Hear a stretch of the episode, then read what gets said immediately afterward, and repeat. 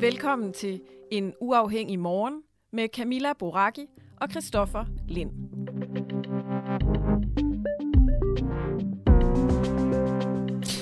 Og velkommen til ja, det femte døgn i øh, krigen i Ukraine, som øh, vi simpelthen har fokus på hele morgenen. Det er faktisk det eneste, vi skal snakke om. Ja, man kan sige, vi stiller vel et overordnet spørgsmål i dag, og det er, hvordan ser det ud i Ukraine lige nu? Og til det der har vi en masse forskellige kilder. Nogle befinder sig i Ukraine, andre befinder sig ude omkring. Det, det, der er fælles for dem, at de alle sammen kvalificerer sig til at fortælle om netop, hvordan det går. Øh, jeg kan lige sige, at øh, i fredags der havde jeg et ganske interessant interview med en tidligere vice udenrigsminister fra Ukraine, Danilo Lubivski, og øh, ham snakker vi altså med igen i dag. Og en ting, det er jo de her, øh, de her kampe, vi hører om i øh, Karvik og, og Kiev. Men øh, forbereder man sig på kampe i hele Ukraine? Det er det spørgsmål, vi egentlig starter med at lægge ud med her. Fordi, som øh, vi også lige fik nævnt, så er det jo siden torsdag morgen, hvis man ikke lige har fulgt helt med, der har der været kampe i Ukraine efter, at russiske tropper fra Putin nu invaderet landet. Vi taler nu med en dansker, som er bosat i den ukrainske by, som hedder Kremenchuk, tror jeg nok. Han hedder Ronny Gasseholm. Og lad os bare øh, kaste ud i det, Ronny. Hvor langt er russerne egentlig fra, hvor du befinder dig lige nu? Og øh, godmorgen til dig. Godmorgen. Jamen altså, de regulære styrker, øh, de er nok umiddelbart omkring en øh, 200-225 km fra os. Øh, vi ved jo ikke, om der er styrker bag vores linjer, så vi, altså, det er svært at sige. Øh, men der er, i vores by der er blevet anholdt øh, 20 øh, formodede sabotører i går, øh, og de fleste af dem, det er sgu nok russere. Okay, og vi vil bare lige så, så er vi helt med. Hvis du lige skal præcis øh, lokalisere øh, den by, du befinder dig i. Ja. Jamen, så er vi, øh, vi er cirka 250 km øh, under Krakow, og vi er tre, øh, når man går ned øh, øst-vest, og vi er 300 km øh, øst-syd for Kiev. Mm. Hvis man ligesom tegner en, en, en trekant, ikke? og med pilen nedad, så, så er det sådan nogenlunde, der. Vi ligger, vi ligger ved floden, vi ligger en km øh, vest for øh, Dnipro. Ja. Forventer I, at, ja, forventer I, at der kommer øh, russiske tropper? Altså, det, det, det, det er svært at sige. Spørgsmålet om byen er, er strategisk vigtig nok til det. Øh, om de er tropper nok. Øh, men men, men vi, vi øh, hernede, der forbereder man sig, som om, at de kommer. Okay. Og det vil jeg meget gerne høre meget mere om. Man forbereder sig til, at de, øh, de kommer. Nu er du jo, øh, i hvert fald før, en, øh, en civil mand, men nu er det jo også sådan, at, øh, at civile ligesom kan trække i det militære udstyr og, og gøre sig klar. Hvad gør du og din familie? Jamen altså, øh, vi skal, altså nu, for det første så har Rusland jo invaderet Ukraine de sidste otte år. Det her er jo ikke en ny situation, der startede i 2014 jo. Så vi har jo hele tiden vidst, at en eller anden dag, så vælger de nok at rykke videre. Og de sidste tre måneder, der har de hernede, det er faktisk hele Ukraine, godt været klar over, at der kommer en eskalation af det her på et tidspunkt. Men der var ikke nogen, der forventede af Putin. Uh, han uh, var så rablende vanvid at åbne fuld front rundt om hele Ukraine. Uh, vi troede, at han ville gå efter uh, Donetsk-regionen. Uh, det havde ligesom været mere logisk i vores tankegang, men man skal glemme alt logik, når man snakker Putin lige i øjeblikket. Mm. Så man siger, vi, har, vi har forberedt os løbende, især de sidste 14 dage, 3 uger, 4 uger, der har jeg forberedt mig ekstra til. Jeg har altid ekstra vand og, og så videre, men nu har jeg endnu mere. Ikke af hamster, men når vi er ude at handle, så måske købe en pakke øh, mel mere, købe noget, lidt ekstra konserves, men, men ikke hamster, men bare hele tiden købe lidt ekstra, så vi altid har ekstra. Øh, og vi har sørget for at, at, at have midler hernede, øh, både fysiske kontanter og andre midler, der kan bruges til at købe varer for, fordi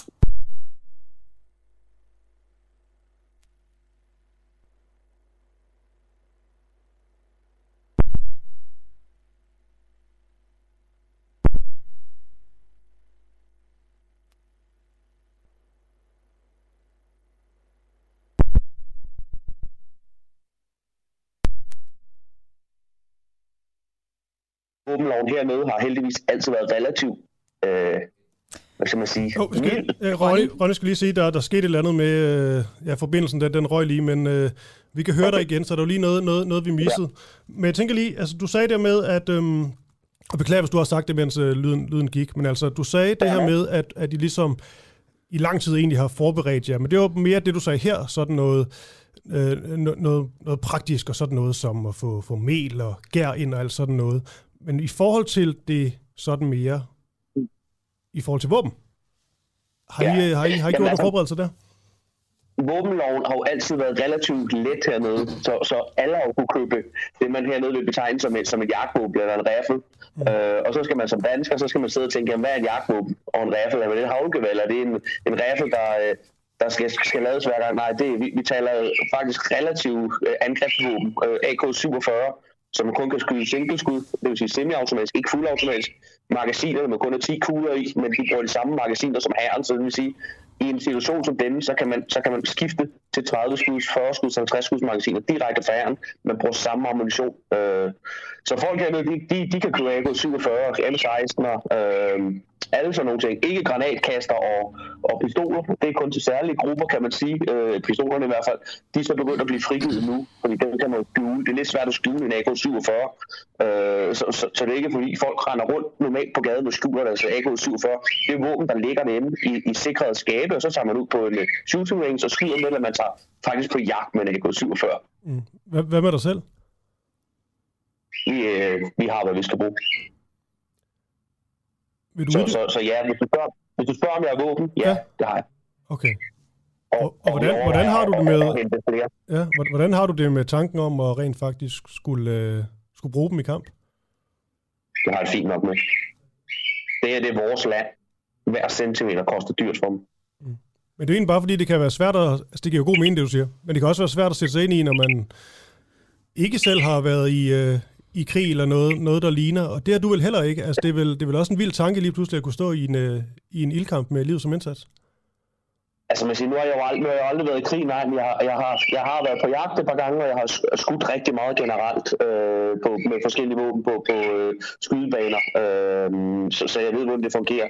Øh, og nej, jeg skal, jeg skal som udgangspunkt ikke ud og være med i en eller anden angrebsstyrke, men, men det er jo klart, vi skal beskytte vores hus.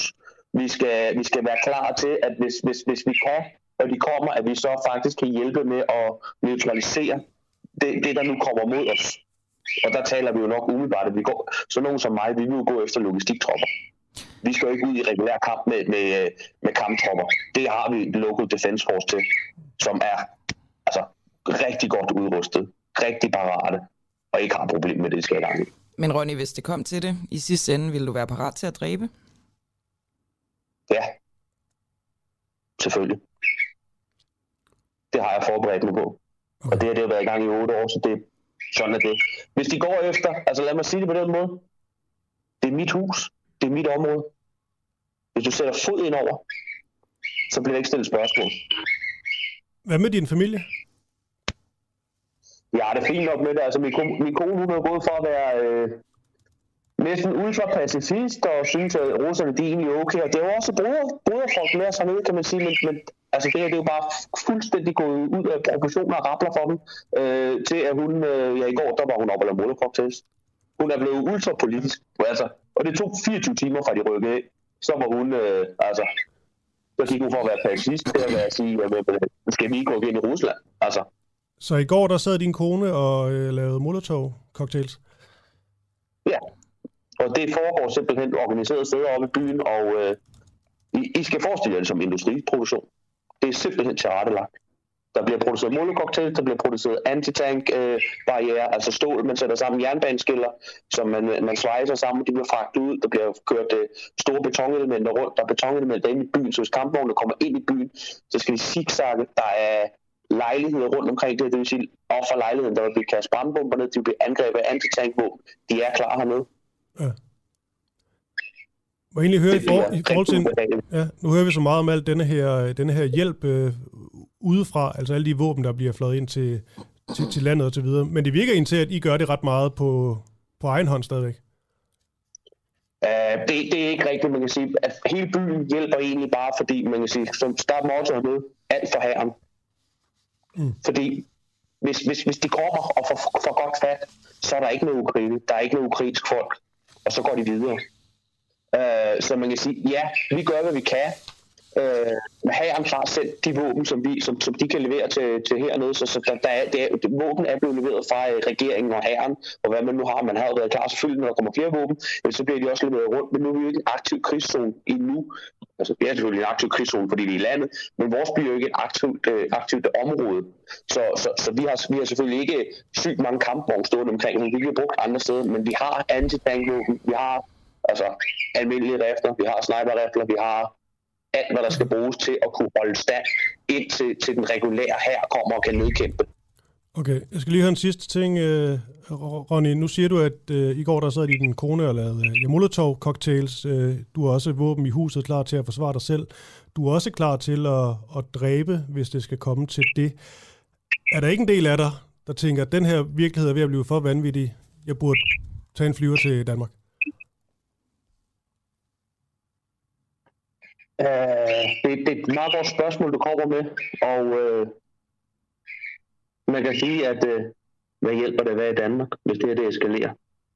Så vil jeg hellere være hernede, hvor jeg kan tage nogen med mig, hvis det går helt galt. Fordi jeg sidder op i Danmark og bliver angrebet med missiler potentielt. Det kan man ikke gøre noget med. Men hernede, der kan man gøre modstand. Det her, det er ikke en lille lokal konflikt. Det her, det er en europæisk, verdensomspændende konflikt. konflikt han stopper ikke ved Ukraine. Han går efter de baltiske lande. Det er jo sagt i flere år hernede fra. Der er ikke blevet lyttet. Nu lyttes der. Mm. Det er ikke for sent. Og det er godt, der kommer våben. Men man skal virkelig være klar over, at den her situation, det er ikke bare sådan en, hvor at vi har en lille diktator, Putin, som tror, at nu skal han rasle lidt med saben. Nej, han har ladt magasinet. Han har faktisk allerede næsten trykket på aftrækkeren. Tror du, russerne er overrasket over jeres kampvilje? Selvfølgelig er de det. De havde ikke forventet det. De forventede to, to dage, mand. De har ikke, de, de har ikke engang taget krakket endnu. Altså, de, de overgiver sig over nede i går, der var der to kampvogne, der overgav sig til en borgmester i en lille landsby. Borgmesteren har ikke våben. Der er landsbyer hernede, som afviser de russiske tank med bare gå ud på gaden sammen med politiet. Politiet holder deres våben nede i hylster. Så går de hen til kampvognen og fortæller, I er ikke velkommen her. Skyd ud af vores land. Kampvognene bakker tilbage. Mm. De er ikke, nogle af de her russere, de er ikke interesserede i at kæmpe. Selvfølgelig er der hårde kampe også nogle steder, hvor der er måske er flere processer enheder. Men generelt set, så mange af de er ikke interesserede i at kæmpe. Øh, men det er jo ikke dem alle sammen, der lægger våbne, fordi så bliver de jo skudt mod efter, eller før, ikke? og så går de så i krig. Så det, altså ja. Okay. Det er 100% Putin, han er over. Altså, at hans generaler og hans rådgiver ikke har fortalt ham, at det her det bliver et helvede. Det er, altså, nu kender ukrainerne igennem mere end 8 år, og fuldt dem i 15 år. Øh, altså, deres modstandsvilje mod en invasion, den er så stor, så han burde have kunnet sagt sig det her selv. Selv hvis han tager landet, så bliver det en gorillakrig på størrelse med Tjetjenien. Området hernede, det er bare meget større. Mm. Okay, Ronny Gasserholm, du er ja, dansker i uh, Ukraine, og du er, ja, du er klar til kamp. Ja, ja. Tak. det er Ja. Jamen altså, mange tak, fordi vi måtte, måtte ringe til dig, og jeg ved ikke, hvad man siger. Held og lykke. Det er uh, rart. Send nogle flere våben og ammunition. Det er, hvad vi behov for. Okay, tak for det. Ha' det godt. Tak med. Okay, hej.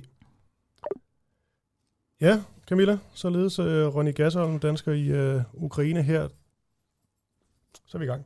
Så er vi bestemt i gang, og øhm, ja, spørgsmålet er jo, om øh, vi kommer til at efterkomme Ronnys ønske at sende altså, våben og ammunition.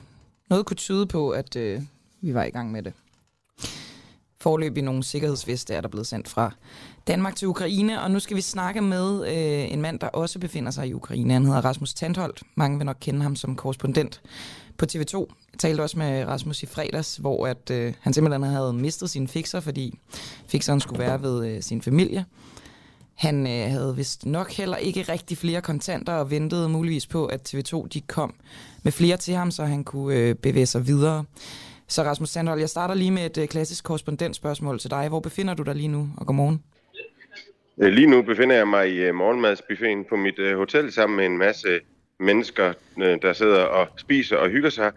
Og øh, hvis man ikke lige vidste, at der var en krig i gang, så øh, vil man overhovedet ikke kunne se på de her mennesker, at øh, det kan man slet ikke se på de her mennesker. Det er, ja, folk sidder og hygger sig. Og hvilken by, hvilken by befinder du dig i? Kan du lige fortælle det til lytterne? Jeg befinder mig i Kiev i hovedstaden. Du er kommet til Kiev. Det var du ikke sidst, jeg snakkede med dig. Hvordan øh, kom du til Kiev? Ja, det gjorde vi med toget. Øh, det tog under otte timer. Øh, så var vi her. Så, øh, så det, det har jeg været et stykke tid. Og hvad har du oplevet hen over weekenden? Ja, der har vi jo oplevet, hvordan det er at være borger i den her by. Altså, der har været masser af luftsirener, byen den har været lukket ned. Der er jo udgangsforbud, som alle derhjemme går ud fra efterhånden ved, øh, så man ikke kan gå uden for en dør. Det bliver så heldigvis ophævet her øh, klokken 8 øh, her til morgen, øh, hvilket betyder, at nu kan folk komme ud og handle lidt ind, øh, få de værste, eller de mest øh, vigtige fornødenheder øh, hjem, øh, så de kan klare sig flere dage, øh, fordi øh, det er klart, at øh, der bliver op udgangsforbud igen, og øh, det at gå ud på gaden er ikke noget, der er særlig mange, der gør. Hvad har gjort det størst indtryk på dig, eller hvem har gjort størst indtryk på dig, siden du kom til Kiev? Det er sgu svært at sige. Altså, øh, det er klart, at det gør indtryk på dig, når du øh, går rundt i en by, som er under belejring, øh, og en by, der minder om mange andre byer i Europa. Øhm, folk, der øh, ligner os, der, øh, der øh, på, på mange mm, vedkommende tænker ligesom os, Øhm, det kommer sådan meget tæt på på en eller anden måde. Det er ikke fordi, det er mere alvorligt, når ting foregår øh, her end alle mulige andre steder, men det er bare en meget speciel situation, når man for et par uger siden gik rundt i byen her og shoppede ind i stormagasinet, og kvinderne sad i make og blev sminket, og øh, jeg gik ned og, i herreafdelingen og handlede underbukser og strømper i tilfælde af, at det, det skulle ske. Øh, og øh, det lignede Ilum, øh, og man går rundt ind i Ilum i København, går heller ikke ud på, at man kan forestille sig, at øh, der kunne rende soldater rundt derinde, og gadekampe kunne opstå. Det er en meget surrealistisk øh, situation. Så det, øh, så det, er selvfølgelig, det er selvfølgelig meget specielt at være i sådan en by. Nu siger du, at I sidder og hygger jer nede i øh, hotellobbyen, og egentlig kan man ikke rigtig mærke, at den her krig den foregår, men jeg går ud fra, at du alligevel har kunne høre luftalarmer og måske også andre ting i løbet af weekenden. Ja, det er klart. Altså, der er luftalarmer for hele tiden for to timer siden. Øh, men øh, i krig bliver øh, i krig skal folk også have en hverdag, og det har jeg oplevet mange gange øh, rundt omkring. Øh, så, øh, så selvfølgelig er tingene ikke normalt. Det er heller ikke øh, en normal morgenmadsbuffet, fordi det er svært at skaffe forsyninger. Så hvis man sådan ligesom kratter lidt i lakken, så er det jo nemt at se, at der er en krig i gang. Øh, men øh, vi er jo bare ekstremt forkælet og heldige. Øh, for det første, vi har selv valgt at være her. For det andet, vi bor på et femstjernet hotel. Øhm, og for det tredje, hvis vi vil ud, så kan vi måske godt stadigvæk komme ud herfra. Øh, der sidder så øh, 100.000 vis af mennesker i den her by, som øh, slet ikke har de samme muligheder. Og nu snakkede vi lige med en dansker, der er bosat i Ukraine. Han er godt nok ikke i uh, Kiev, men han var, altså, hans kampvilje var i top. Når du taler med folk, ukrainere, hvordan uh, fornemmer du så deres kampvilje? Og her taler jeg om, om de civile. Jamen, den er stor, øh, det må jeg sige. Altså, det var den måske ikke på samme måde, inden det her gik i gang, fordi der var ikke nogen, der i deres vildeste fantasi havde forestillet mig, forestillet sig, at, at, øh, at det, det skulle ske. Øh, men øh, i og med, at folk er kommet så over chokket, så, øh, så er folk også begyndt at tage kampen op. Øh, så folk sidder nede i kælderne og laver molotov-cocktails. Øh, og øh, andre, der kan skaffe et våben, øh, er grebet til våben. Øh, folk kan alligevel ikke gå på arbejde. Så det er der en hel del, der har valgt, samtidig med, at øh, mænd mellem 18 og 60 år ikke må forlade landet. Øh, og det må de jo ikke, fordi at de skal bruges i kampen mod russerne. Tusind tak for den øh, opdatering, Rasmus Sandhold, altså korrespondent øh, for TV2 i Kiev. Super.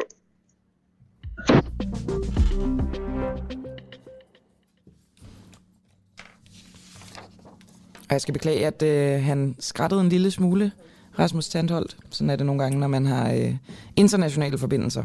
Sådan det. Og øh, apropos det, så taler vi nu med øh, Natalie Popovic. Hun er det, der hedder co-founder of Ukrainian Crisis Media Center. Og øh, lad os da bare kaste ud i det. Natalie, first of all, thanks for joining us. And, uh, Thank you. Can you hear me? Yeah, yeah, yeah. Natalie, where are you uh, right now? Well, um, we are now reaching um, um, in Germany, uh, getting getting home to to see our kids.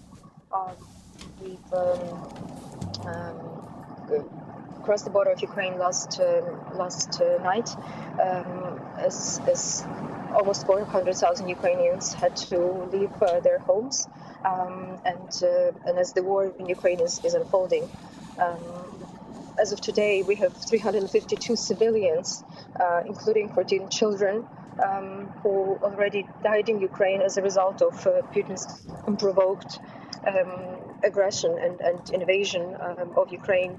And now um, uh, all of our hearts are with the Ukrainian army and the Ukrainian defenders um, who are, are, trying to um, save our cities and, and, and all of our people his his invasion just you know mm, proves that everything the Ukrainians have been saying long time for a long time is is um, becoming a reality. Um, Russia is a is a state sponsor of you know state terrorism. Basically, they're terrorizing now um, the Ukrainian um, nation and denying our right to to exist, uh, denying our right to be as a, as, as, a free and sovereign state. But I think Putin, as always, has under, underestimated the strength of the Ukrainian people and, and their spirit, and they will not surrender. We will not surrender. Ukrainians will never give up our freedom. So. Um, you know anyone who is, continues to stay in the country and, and everyone who is not there but will do everything possible until our last breath to save Ukraine. I think it's so critical now. Okay, Natalie, can you tell us some more about your uh, your journey through uh, Ukraine? Well, it's you know it's um, um, it's horrendous because you know you're leaving um, you're leaving your your home and yeah. and and it's it's heartbreaking because you don't know at what time you're going to be able to return um, to to see your loved ones. Um, my 85 year old dad continues to be in Lviv, and um, in, and in his age, he's seen the Second World War. Um, he's been sent to Siberia for, for, for the whole family family in, in 1949. He should not need to go to bomb shelter um, on uh, every single day when there are air attacks um, uh, on on Lviv and, and, and people in other cities are the same. It's just so unfair that um, Ukrainian people who've lost six million people in the Second World War, it's the whole population, it's the equivalent of the whole population of Denmark, that they have to suffer so much again. And um, children should not be recording, um, you know, videos from from both shelters asking and, and, saying that they just want to live. Ukrainians are, you know, peaceful nation. We, we don't attack anybody. We just we just want to have our, our place and, and build a dignified, you know, future for our children. And this is what we are denied. So um, my heart is breaking, and my heart goes to everyone on on, on my team, on, on my five friends and relatives, and, and everybody in Ukraine, but mostly, most of all, to the Ukrainian um, defenders who are fearless um, and and Ukrainians, you know, in the resistance movement, because um, a lot of people are, are, are joining and doing, uh, you know, Molotov cocktails if need be, and and uh, going with their open arms against the mm. Russian tanks because they're crashing the civilian cars. The civilian car was targeted and struck in, in the street of Kiev. And, and a child and two parents were killed, and, and two children are, are in, in wounded in the hospital. They hit Russian forces hit Okhmadit. It's like you know the, the most important children's hospital in Ukraine. It's horrendous. It's it's something that you like any any um, person, civilized person, cannot imagine this happening in in, in, in the 21st uh, century. So Russia should be totally isolated. I'm extremely grateful to the Danish government for their, you know, welcome of uh, of uh, people from Ukraine who will need temporarily to to stay here maybe um, and and to all of the governments that are now only now beginning to understand, you know, the, the, the, this Russian uh, horrendous ideology denying uh, the Ukrainian nation uh, our right to be, and uh, it's this is what we this is what we feel right now. Okay it's heartbreaking to see moms on the border with small children because as Ukrainian uh, men are all enlisting and mobilizing in the army and uh, through the border you see um, thousands and thousands of, of, moms who have to say and, and women who have to say um, you know part with with their um, uh, you know, with, with, their loved ones and, and take uh, their children through through the border. And they're not, you know, uh, the, they just come with like, you know, tiny suitcases. We all want to live and, and, and be in Ukraine, and uh, and it, we all hope it's temporary. We hope that the isolation and the figuring out the solutions of how to counter Russia are being figuring out right now, and we're terrified about the nuclear threats that now Putin is beginning to make. Okay. Because this just tells you about you know how how, how essentially impossible and non-negotiable he is. Okay, Natalie, did most of your friends and family stay in Ukraine, or did they leave like you? No, most of my family still is, is, is in Ukraine, and uh, most of my family will stay in Ukraine and and, and, and will continue to, to, to be there. Uh, part of my team is still in Kiev, in other locations. Some have moved to the western Ukraine and have, have, re, have had to reset up there. Um, and uh, some people, of course, uh, are um, are leaving uh, leaving Ukraine to safety, and especially bringing children to safety, so they can continue uh, more or less, you know, normal life because everything has been disrupted: schools, healthcare, um, anything. And and of course, people want to, you know, want to bring their their families to normalcy as as, as it is not impossible, is completely impossible in Ukraine now. Okay. I think that it's I sincerely, yeah yeah.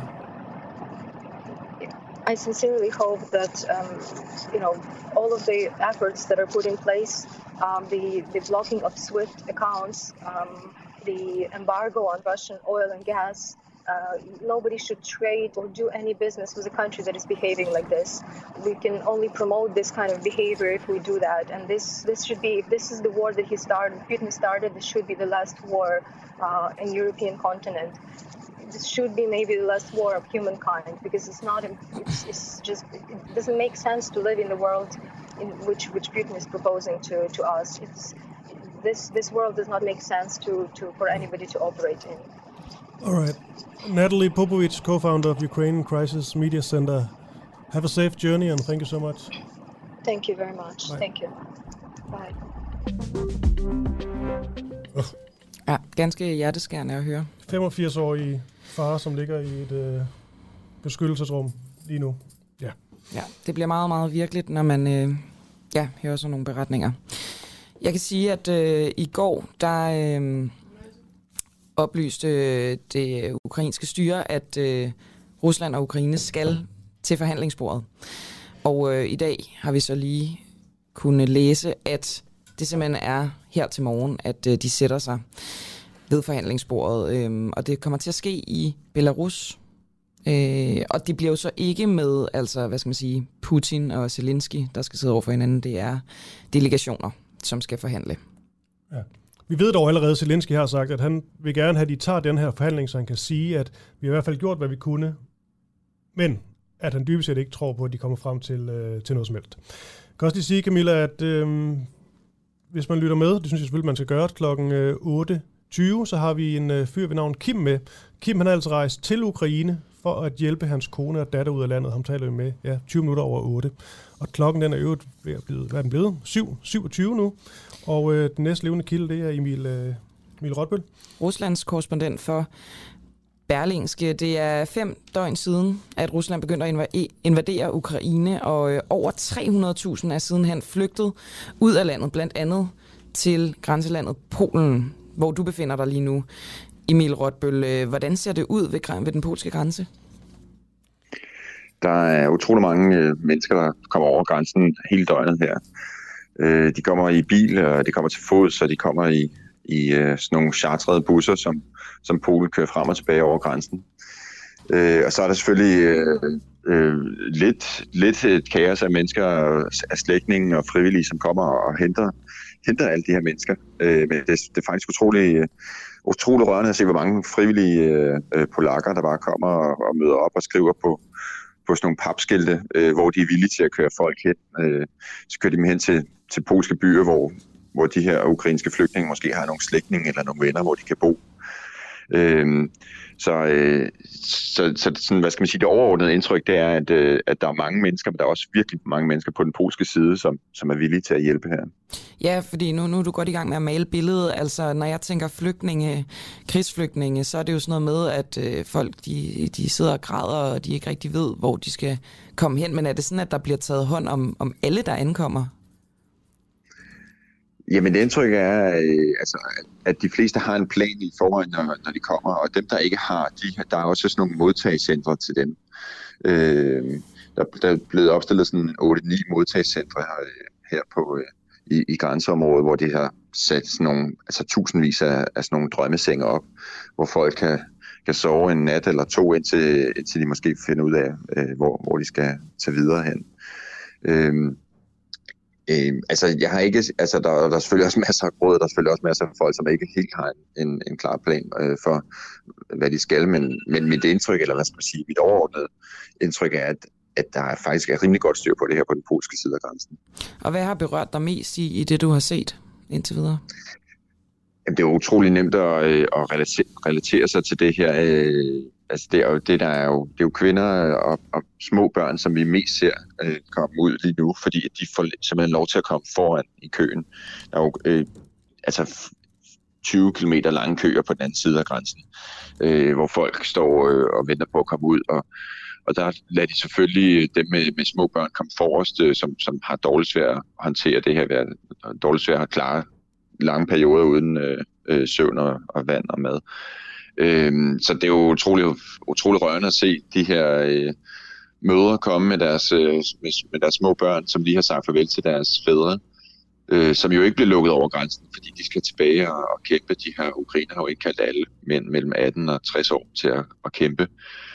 Øhm, og, og at det er jo altså, hvad skal man sige, det er jo bare fuldstændig grundlæggende rørende, ikke? Altså, øh, de her små børn, som er blevet reddet op fra deres hjem i, i Ukraine, og lige har sagt farvel til deres far, og nu kommer til et land, hvor de måske ikke har været før, og skal bo hos nogle øh, venner eller slægtninge eller bekendte, som, som de måske ikke har set før. Øh, det, er, altså, det er bare helt basalt en menneskeskæbner, som bliver flyttet, flyttet op, øh, reddet op med roder og, og flyttet rundt. Ikke? Emil, til sidst, og det er måske et dumt spørgsmål det her, men nu spørger jeg alligevel. Altså, du er Ruslands korrespondent for Berlingske. Hvorfor er du øh, ved den polske grænse og ikke i Rusland? Øh, det er, jeg rejser, jeg rejser frem og tilbage til Rusland, og jeg var så i Danmark, da, da det her skete. Øh, så så det, var, det var vurderingen, at det var her, det var mest interessant at, at tage hen og rapportere fra, øh, hvad, der, hvad der sker i forhold til, til flygtningekrisen, som, som er under fuld, fuld udrulning. Mm. Alright. Jamen, uh, tusind tak for uh, den rapport, Emil Rotbøl, altså Ruslands korrespondent for Berlingske lige nu ved den polske grænse. Tak fordi du var med. Selv tak. Og Camilla, vi kan også lige sige, at man kan selvfølgelig øh, blande sig. SMS til 1245, skriv DUA, D-U-A-H, mellemrum din besked. 1245, DUA, mellemrum din besked, eller gå ind på øh, Facebook, hvor vi har sådan et øh, livestream, hvor man også kan, kan kommentere. Og nu fik jeg sagt lige før, at øh, der egentlig ikke går ret længe før, at øh, de, altså de to parter sætter sig ved forhandlingsbordet i Belarus, og øh, det skal vi selvfølgelig også snakke mere om, og det skal vi med Mogens Lykketoft, tidligere udenrigsminister, og øh, en mand, som jo har måske ikke prøvet deciderede lignende situationer, men, men noget, der i hvert fald er tæt på, ikke? Jo, og i dag der prøver vi så ud over det at få nærmest så mange gode, stærke øjenvidenberetninger, vi overhovedet kan få fra, øh, fra nærmest det, det hele Ukraine, så det er ikke kun af Kiev og Kharkiv, det, det omhandler, og selvfølgelig også mange danske kilder på. Jeg tænker også senere, skal vi også lige lidt ind på, hvad der skete i går. Fordi i går var en fuldstændig vanvittig dag på mange tænkelige måder. Altså, Tyskland, Olaf Scholz tale, Sverige, som ellers er kendt for deres neutralitetspolitik, vil sende våben til krigen. Danmark vil sende våben.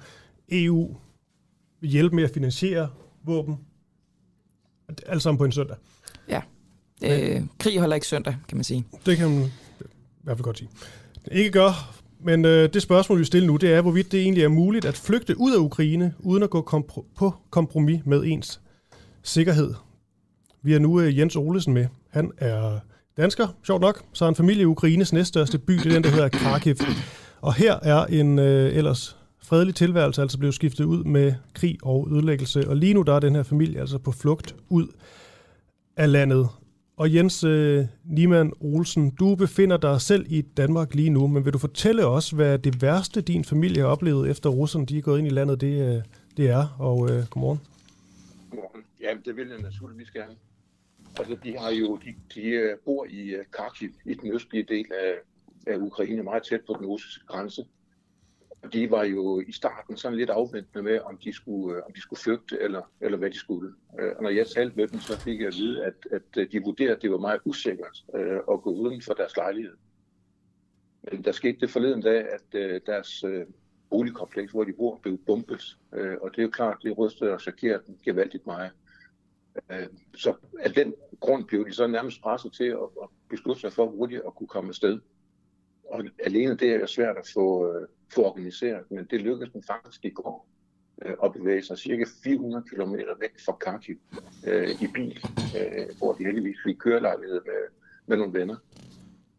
Øh, og vi var så øh, privilegeret, at vi kunne følge dem øh, hele vejen via sådan en øh, location finder.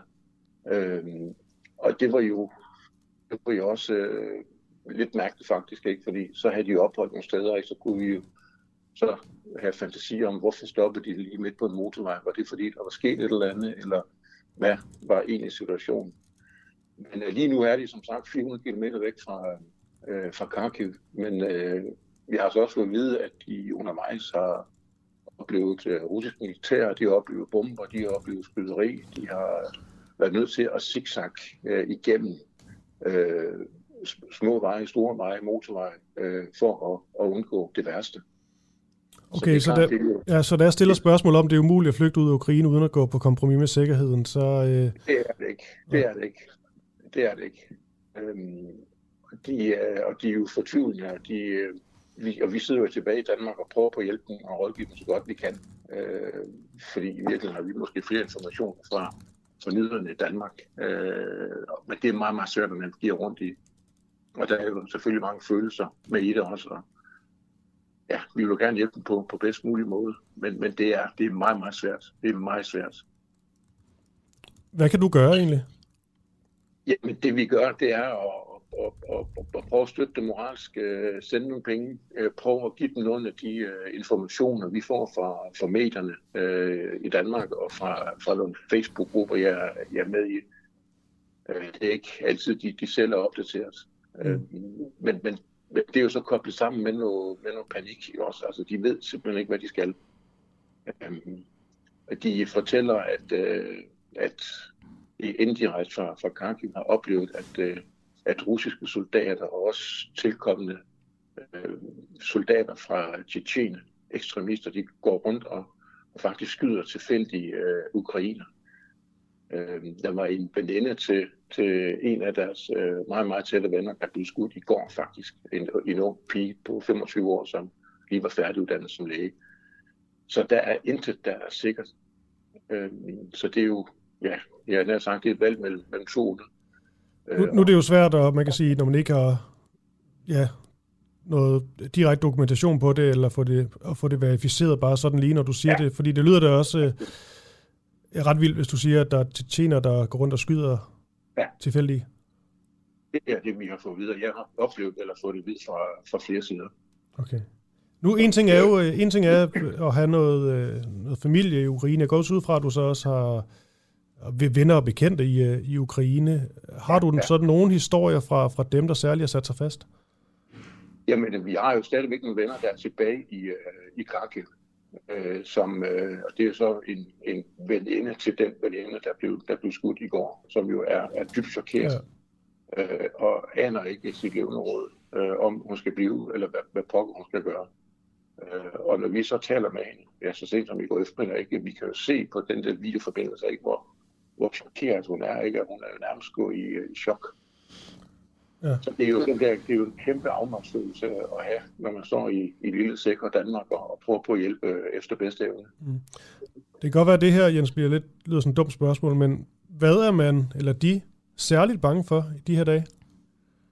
Jamen, det er jo at dø, simpelthen, ikke? Ja. De er, de er bekymret for at ikke at kunne komme levende ud af Ukraine, eller i hvert fald på anden måde kunne, kunne komme i sikkerhed. Mm. Det er noget med, at jeg ved ikke, jeg kunne ikke huske, om du egentlig fik sagt lige i starten, men, men det er noget med, at, at du har en eller anden sporingsenhed. Ja. Jeg tror, jeg har brug for lige at få nogle flere, flere ord på, hvordan sådan noget det, det fungerer. Også hvorvidt det virker jamen, egentlig. Jamen, jeg fik sendt et link fra min svoger øh, i går, øh, da de startede deres, øh, deres flugt i bil fra, fra Kharkiv. Så sendte jeg mig simpelthen et link, jeg kunne klikke på. Øh, og så popper der sådan en, der hedder Live Location øh, op på min, øh, på min skærm, på min telefonskærm, og så kunne jeg simpelthen, øh, hver gang jeg klikkede på den, se, hvor, hvor langt de var kommet. Mm. Så den virker? Ja, den virker, ja. Okay. Jens, hvad, hvad, altså du kan ikke gøre så meget, du sidder i København, ja, øhm, eller i Danmark i hvert fald, det, det må da være, være dybt, dybt frustrerende. Men det er hvad, Ja hvad gør du for ligesom på en eller anden måde øh, berolige dem? Jamen, øh, jamen, jeg støtter dem alt det, jeg kan, Jeg også? Øh, taler med dem, og, og, og det lyder måske også lidt dumt, det jeg siger nu, prøver at holde lidt sjov. Det ved jeg godt, det hører så måske ikke lige hjemme i den her situation. Men, sådan et eller andet med, at, øh, at øh, jeg glæder mig til, at de kommer øh, til Danmark, så det kan hjælpe os med at få hængt nogle billeder, vi lige har købt op på væggene. Øh, og vi skal hygge os og spise sammen. Ikke? Altså, så ligesom for at få dem ja. lidt væk fra, fra, fra de tanker, øh, selvom jeg godt ved, det er, det er svært. Ikke? Men, men, men, men, men prøv, at, at vi i hvert fald overfor dem viser, at, at, at vi bevarer roen, ikke? så vi ikke, at vi ikke har en oplevelse af, at vi er ked af det, og, og, og vi er utrygge, så det måske smitter endnu mere på dem. Ikke? Ja. Fornemmer du, at de, øh, groft sagt, køber den? Altså, vil de også gerne øh, tro på, på noget bedre lige nu? Ja, det tror jeg. Det tror jeg. Øh, nu øh, er vi er så i den situation, og det lyder måske også lidt, lidt bagvendt, at min, min øh, svoger, han, øh, han kommer fra Irak, øh, ligesom min, øh, min kone. Øh, det er jo så søster og, og bror, og de er jo i sin tid flygtet øh, begge to fra, fra Irak i forbindelse med, med krigen dernede. Så det er, jo, det er jo en genoplevelse af mange ting. Ja. Øh, men det betyder også desværre, at han jo på en eller anden måde er, er vant til at håndtere en krigssituation. Øh, han har prøvet det før. Der er jo mange øh, heldigvis øh, ukrainer, der, der ikke har prøvet en krigssituation før, ved ikke, hvad det er, det er nyt alt det her. Men han, han, han ved, hvad det er. Han ved godt, hvordan en bombe lyder, og hvordan en maskingevær lyder, og missiler lyder. Det lyder måske forkert at sige det, men, men han, er, han, han ved, hvad det handler om. Mm. Han, han ved måske også, at man lige skal være opmærksom på, hvordan man skal agere i forskellige situationer. Giver det også, der, giver det også der, lidt, ja, giver det også der lidt tryghed, han er, han er med? Ja, han, han, er, han er god til ligesom at, at bevare roen. Ja. Men, men, men det har selvfølgelig også en grænse, ikke også? Altså, det er klart, han er jo presset og får ribbet op i mange ting fra, fra hans flugt fra Irak også, øh, ja. øh, og, og ja, også før han flugtede fra Irak. Ja. Så det er, det er sådan et, ja, det er sådan et, øh, det er en mærkelig situation faktisk. Mm. Okay.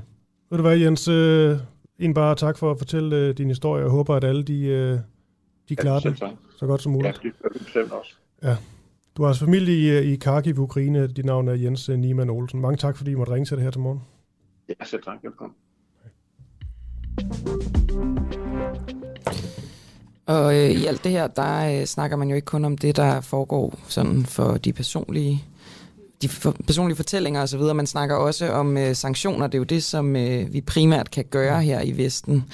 Udover selvfølgelig at, øh, at sende forskellige øh, våben eller, eller andre ting. Og nødhjælp selvfølgelig. Øh, jeg kan sige, at rublen den er faldet altså, til at være historisk lav. Den er nu 40 procent øh, lavere end dollaren, så vidt jeg har forstået. Og det er jo så i kølvandet på de her, øh, i hvert fald lovninger om sanktioner, som der har været hen over weekenden. Og nu skal vi tilbage til øh, det, som øh, er tæt på at udspille sig, altså øh, forhandlinger imellem Ukraine og Rusland. Og det er altså kommet i stand efter en samtale imellem øh, Vladimir Volodymyr Zelensky, Ukraines præsident, og Hvide Ruslands øh, præsident Alexander Lukashenko. Og det er også i Hvide Rusland eller Belarus, at de her forhandlinger skal foregå. Mogens Lykketoft, øh, hvad forventer du, at parterne kommer til at drøfte, og godmorgen? Ja, godmorgen. Jeg, jeg går ud fra, at det er et forsøg på at skabe en, en slags våbenstilstand, Øh, øh, øh, en, en midlertidig i hvert fald i, i krigen, og se om man kan blive enige om noget som helst. Jeg må sige, at jeg er meget øh, bekymret for, at det ikke fører til noget, at det, at, at det kan blive mødt Zelensky fra russisk side, det er de samme krav om total underordnelse af Ukraine til Rusland, hvis de skal stoppe deres overfald.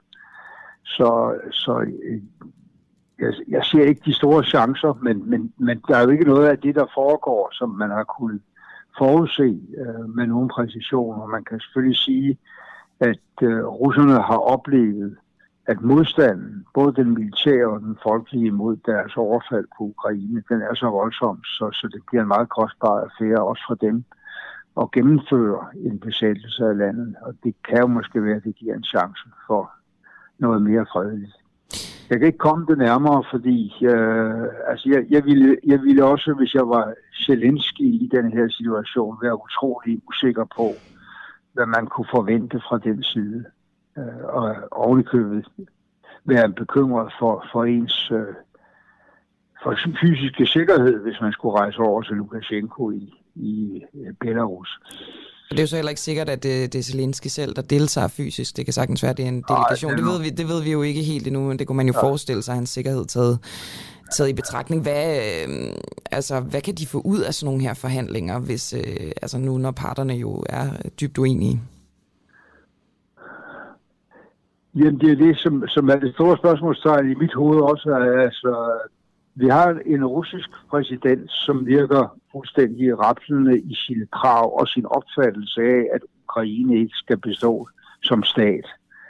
Øh, og, og, og som i virkeligheden har, har stillet nogle totalt urealistiske krav til modparten om bare at forsvinde. Ikke? Altså, øh, og, og hvis, hvis øh, ukrainerne skal møde op og bare få at vide, at deres regering skal afsættes, så skal sættes en anden en ind, hvis krigen skal stoppe, så fører det jo ikke rigtig til noget. Men, øh, men vi må se. Øh, man, kan, man må jo altid øh, håbe, at rejserne kan, kan bremses, øh, ødelæggelserne kan, kan stoppe, og at der er en eller anden fredelig løsning mulig. Kan du fortælle øh, lidt om sådan rent praktisk, hvordan de her forhandlinger foregår? Man mødes, man giver hånd, man sætter sig til bordet. Jeg ved ikke, får man en kop kaffe måske? Altså, det, det, sætter man så, altså, øh, skubber man papir med krav over til hinanden, eller sidder man og simpelthen bare snakker om det? Det er jo ikke til at vide. Det, det kan jo foregå på mange forskellige måder. Man kan sige, at det er ikke usædvanligt historisk, at uh, man har haft forhandlinger, selvom der var, var krig. Uh, altså det der med at kunne, kunne føre krig og, og forhandle samtidig, det er en, er en velkendt uh, metode øh, og nogle gange har den ført til, til noget godt. Og, øh, og, og, er det, altså sådan, jeg ved ikke, du, du har måske ikke deltaget i sådan øh, rene krigsforhandlinger, men alligevel har du øh, vel deltaget i forhandlinger, hvor parter er, øh, er uenige på den her måde og i konflikt. Øh, sidder man og skændes, eller altså, hvordan, øh, hvordan er tonen til sådan nogle forhandlinger? Er det meget formel? Kommer meget an på, hvad det er for nogle mennesker, der, der, der der er til stede, om, om, om det er formelt eller uformelt, og, og, og der kan skabes en, en, en, en, en sikkerhed for, at der er nogle reelle muligheder for samtale. Det kan også godt være, at dem, der mødes, er mennesker, der kender hinanden udmærket. De er jo vokset øh, op øh, i Sovjetunionen, øh, havde jeg nær sagt. Øh, de fleste af dem, hvis de som bare sådan middelalderen, ikke? Det kan godt være, at de kender hinanden øh, fra øh, samarbejdet tidligere, og at de kan give en chance. Men altså, det dybest set er spørgsmålet jo, har de russere, der møder op til den der forhandling, har de noget som helst mandat fra Putin andet end at kræve total kapitulation fra Ukrains side? Vi kan jo se, at, at det, der foregår i øjeblikket, er en vældig, vældig, vældig opbygning af styrker på vej mod Kiev. Og øhm, det foregår jo i Belarus. Man kan sige, at i første omgang havde øh, Zelensky afvist at deltage i de her forhandlinger på foranledning af øhm, Lukashenko. Hvordan er det? Og, altså, vi ved jo godt, at Lukashenko han ligesom er øh, kammerater med, med Putin og også har, har været med til at, at huse russiske tropper osv. Hvordan er det at have sådan en, som, øh, som den, der står for forhandlingerne? Han er jo ikke neutral. Kan det overhovedet lade sig gøre? Han er jo ikke neutral, og, og han er jo også en slumper, ligesom Putin, men, men, men øh, det, det, der er i det, er vel, at, at Lukashenko kan ikke selv være bekvem ved, at, at han i kølvandet på de her militærmanøvrer, som bragte 30.000 russiske soldater ind i, i Belarus, øh, faktisk ikke længere er herre i sit eget hus. Mm. Øh, og han kan også godt, selvom han er blevet, så at sige, af af den indre opposition og modstand tvunget nærmere og nærmere til at støtte sig til Putin, så er han ikke interesseret i, at Putins øh, magt øh, udøvelse hverken over Ukraine eller, eller Belarus bliver større. Han, han er tvunget med i det her. Øh, og, og derfor kan det ikke nødvendigvis være en ulempe øh, set fra Ukraines side, at det foregår hos ham. Tusind tak for det, Mogens Lykketoft, altså tidligere udenrigsminister. Ja, selv tak. Du lytter lige nu til Den Uafhængige. Danmarks måske mest kritiske, nysgerrige og levende radio. Hvis du har en god idé til en historie, så skriv til os på Facebook eller send os en mail. Adressen finder du på hjemmesiden.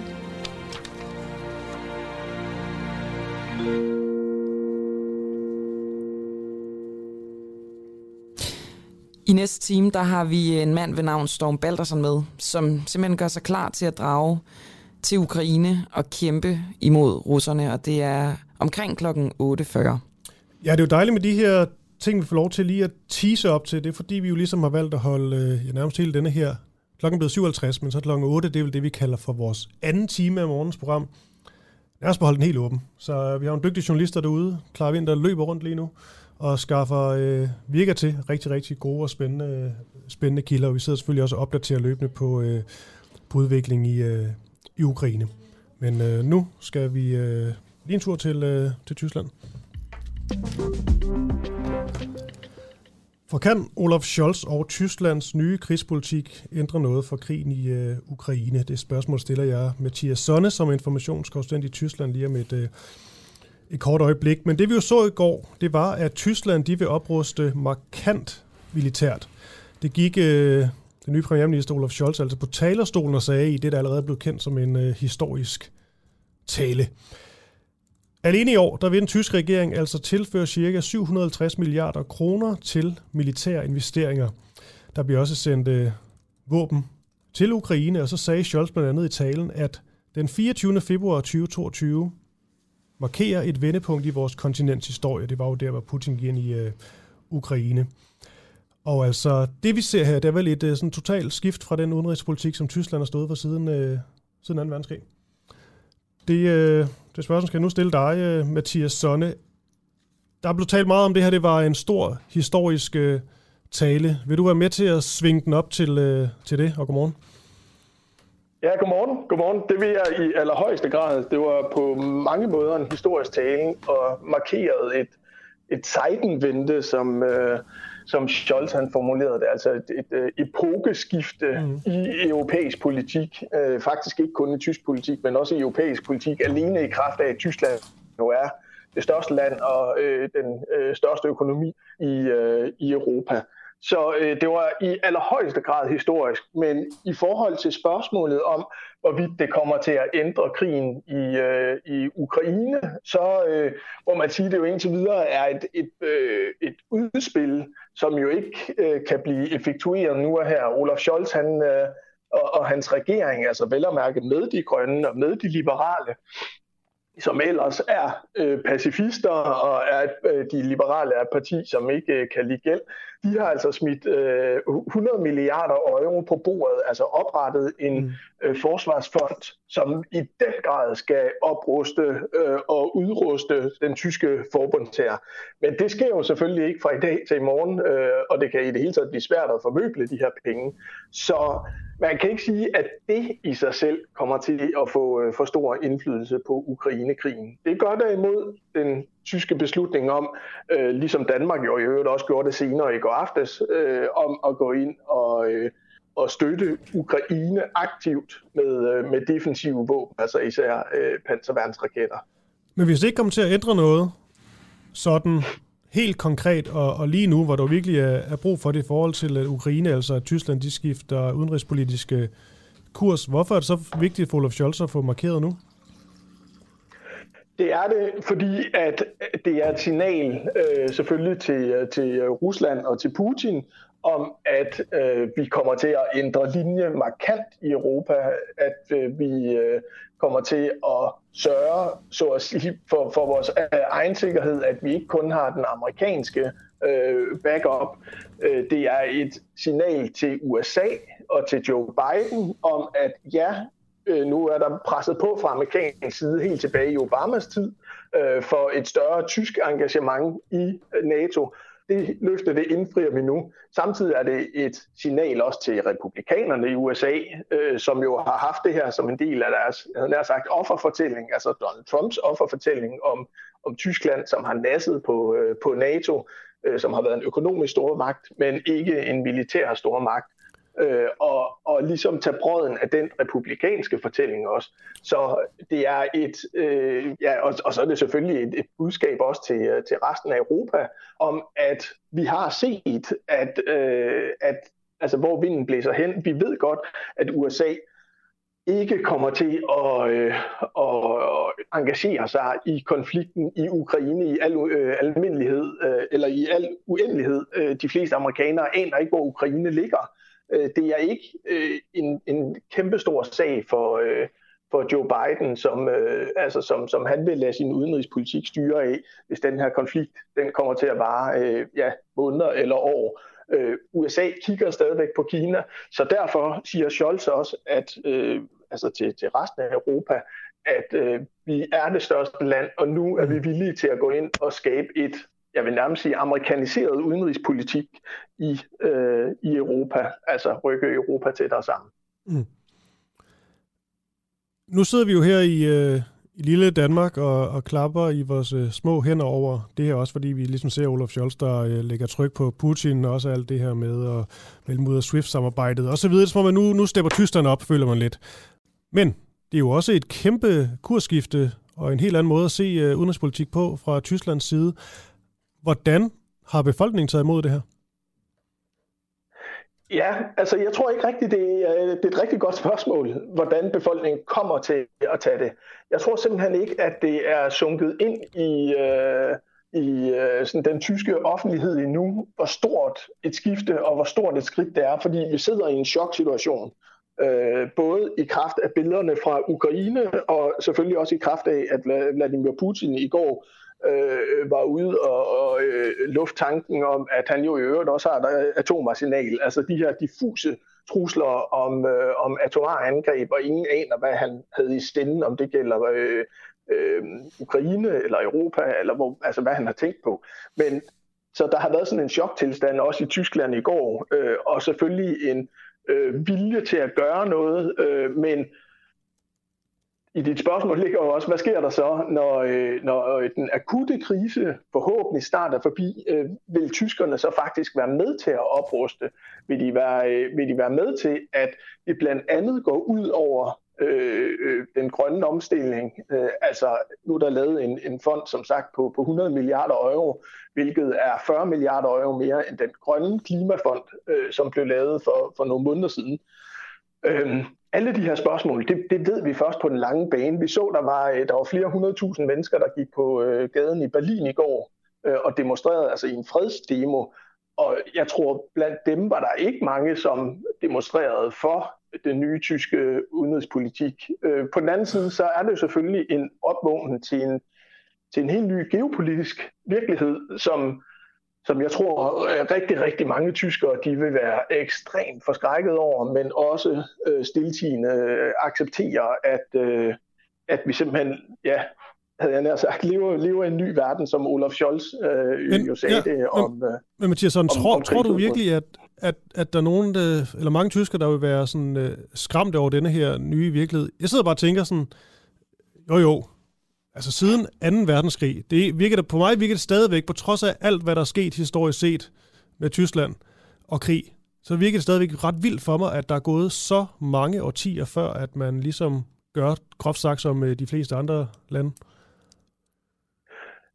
Ja, øh, det handler ikke kun om, hvad tyskerne øh, tænker og synes. Det har jo i lige så høj grad handlet om, hvad andre lande har tænkt ja. og syntes om Tyskland. Øh, Øh, og det gælder jo især, hvis vi kigger tilbage fra Berlinmurens fald og, og den sidste nyordning af, af europæisk fredspolitik. Der blev Tyskland jo, jo fortsat øh, tæmmet i særdeleshed atomart. Altså Tyskland har jo ingen atomvåben. Øh, der er kun i omkring 20 amerikanske atomvåben, som er på tysk jord, som tyskerne så godt nok har en forpligtelse til at kunne, øh, kunne øh, udføre. Øh, altså der har de de her gamle tornadofly, som i øvrigt også er en del af den her forhandlingspakke, at der skal nye, øh, nye boller på suppen. Så det er bare et eksempel på, at det jo ikke kun er, fordi der har været en stor, stærk tysk øh, pacifisme, øh, men jo også fordi øh, Tyskland simpelthen har været, øh, været indbundet i øh, og, og været, været, været dæmpet øh, militært. Og der, der øh, kommer jeg til at tænke på, øh, på Sikorski, altså den tidligere polske udenrigsminister. Han sagde, hvis jeg ikke husker forkert, i 2011, at det eneste, jeg frygter mere end et øh, stærkt Tyskland er et svagt Tyskland. Og dengang gik der, det, det er kun 11-12 år siden, der gik der et sus igennem øh, øh, både Polen og Tyskland og også mange andre steder i Europa, hvor man tænkte, gud ja, Tyskland kunne, da, kunne også være en, en stærk militær nation. Øh, så det er ikke længere siden øh, end ja, et par årtier, at vi har frygtet et, øh, et stærkt Tyskland. Så det hører med til historien, men som du siger, selvfølgelig også en, en enorm pacifistisk strømning i, øh, i Tyskland, som, øh, som vi ikke, altså og modstand jo blandt andet også mod Irakkrigen, hvor Danmark marcherede med osv., altså en, en stærk pacifistisk strømning, som vi ikke øh, kender øh, mange andre steder i Europa. Okay, og med det, Mathias Sonne, informationskorrespondent i uh, Tyskland. Mange tak, fordi du er med her til morgen. Selv tak. Du lytter lige nu til Den Uafhængige. Danmarks måske mest kritiske, nysgerrige og levende radio. Hvis du har en god idé til en historie, så skriv til os på Facebook eller send os en mail. Adressen finder du på hjemmesiden.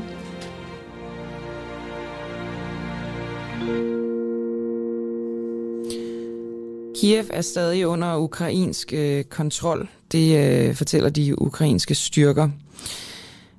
Øh, selvom at øh, russerne har, efter sine har omringet hovedstaden. Og nu skal vi tale med Danilo Lubivski, som er øh, tidligere viceudenrigsminister i Ukraine. And uh, Danilo, uh, the first thing I would like to ask you is, how have the last days been for you? I, I'm happy to hear you. I'm happy to hear you, and let me tell you frankly, these were one of the most difficult days for my for my nation, and uh, and for us, for all of us. I mean, for our families, for for everyone who who is in Kiev now, in nearby Kiev, all over Ukraine. So, but but finally, we we, we stand strong, and I'm very proud of Ukrainians. Yes, and uh, for you, what have you been doing for the last couple of days? I'm uh, I'm here in Kiev. Uh, uh fortunately, we have a safe place uh, in the outskirts of Kiev. Uh, I don't want to specify. For, and we stay here with my family and with our closest friends. You don't want to specify but, because you feel in danger? Definitely, the war continues. Nothing is over. But uh, also, uh, uh, this is not only that we stay we stay here, but we uh, help our territorial defense uh, for local units of the territorial defense. Many people, you know, uh, what's going on right now in Ukraine? This is the people's war. This is not that just our armed brave armed forces deter the Russian aggressor, but this is ordinary people who are not afraid to go to fight for their freedom, to fight against the enemy, to fight and, and to, to protect Ukraine. So uh, we stay here with our territorial defense, trying to, I mean, and, and here you can find people from, you know, from of different professions, of different of, of different environments. I mean, they are united in the strong will to, to, to protect Ukraine. For how long can the Ukrainians keep control of Kiev, in your opinion? Uh, this is 96 uh, hours of resistance already. Uh, Putin thought this insane dictator, this Adolf Hitler, thought that uh, it would be an easy journey for him to to uh, grab Ukraine. He failed. He has lost in Ukraine. Uh, what we see right now is that the Russian troops are demoralized. They they basically do not understand what they are doing in Ukraine, and I think that this is an important shift in the uh, general situation. But the war continues, and the fight will will will will will go on. Uh, for, uh, as you listen to what Putin said yesterday, he threatened Ukraine directly he threatened Ukraine and the world with the nuclear weapons. Mm. Can you imagine this?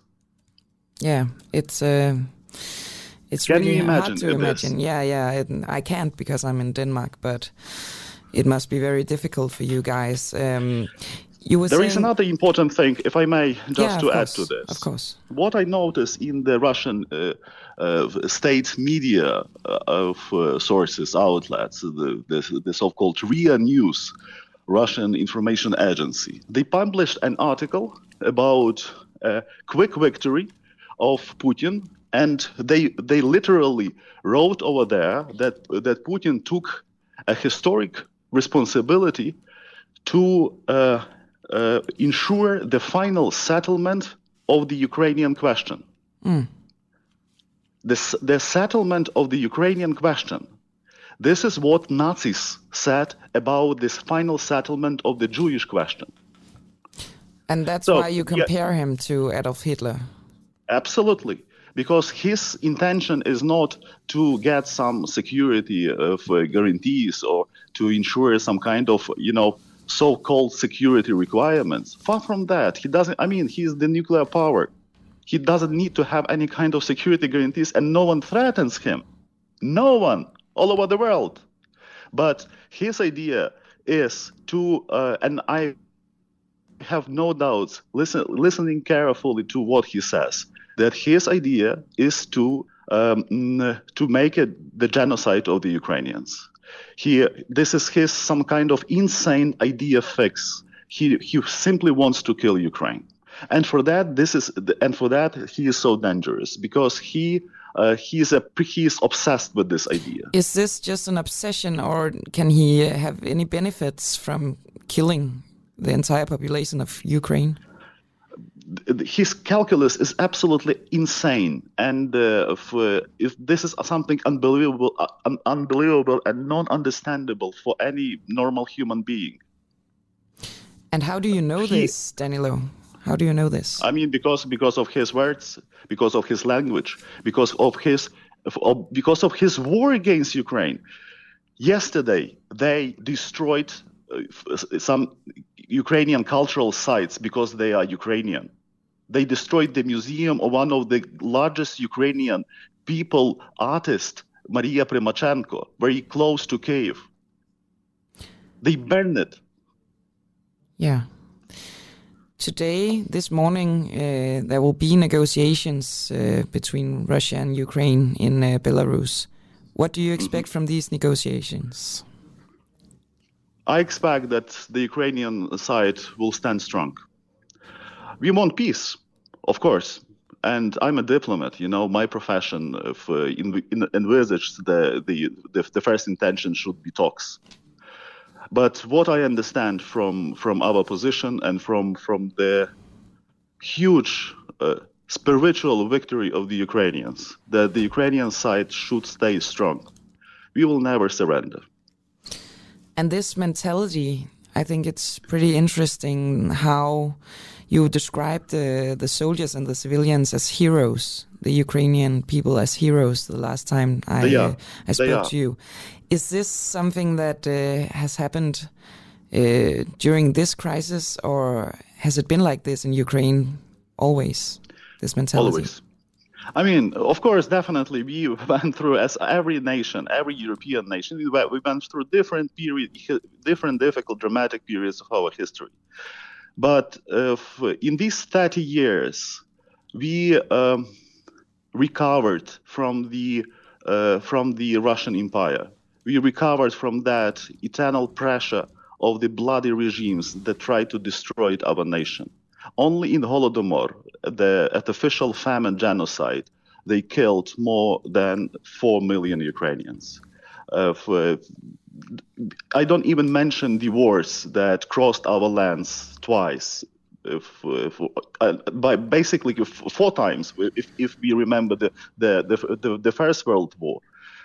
But Ukraine, U, U, Ukraine uh, prevailed. In my sense, Ukraine, Ukraine stood strong, and right now, U, Ukraine, Ukraine fights for for for, uh, for its future, and uh, this is so important for Ukraine that so many people around the world support us. And I'm really happy. I, I received yesterday the photo from, from, from, from your country when so many people came to the Russian embassy telling them that they are insane, in, in, in, that this is madness.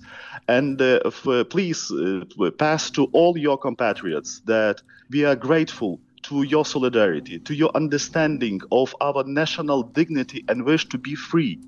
This is very human. This is very normal to be free, not to be under some kind of hand of some insane uh, psychopath. Yeah, that's a that's a human right.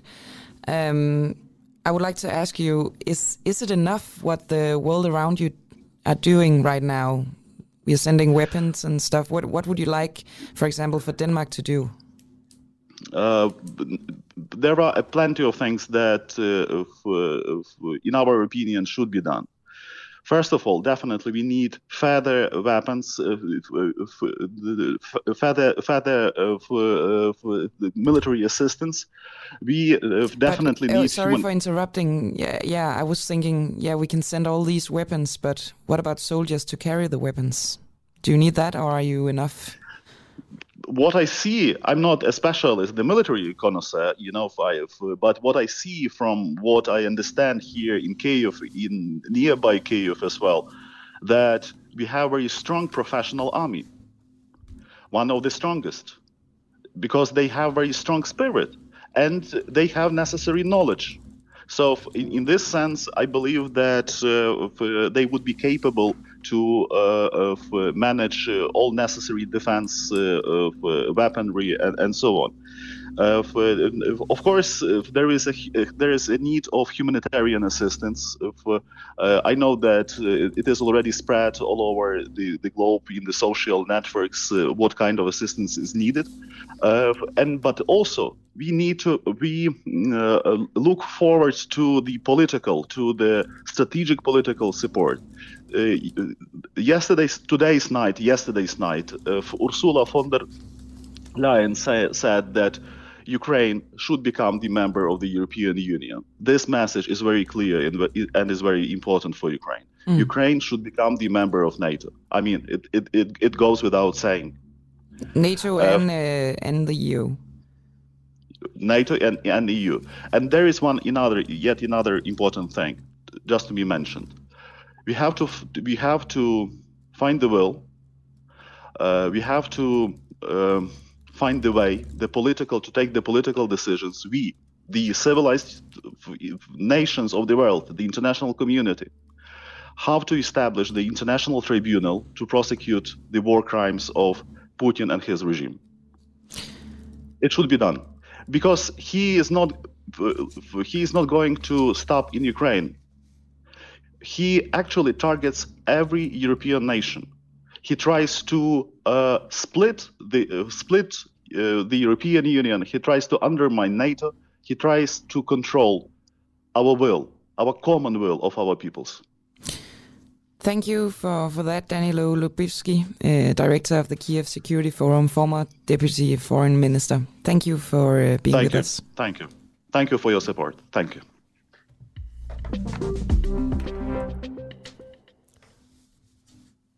Indtil for to uger siden, der var Østeuropa-studerende Lara Osorio bosiddende og i praktik på den danske ambassade i ja, Kiev.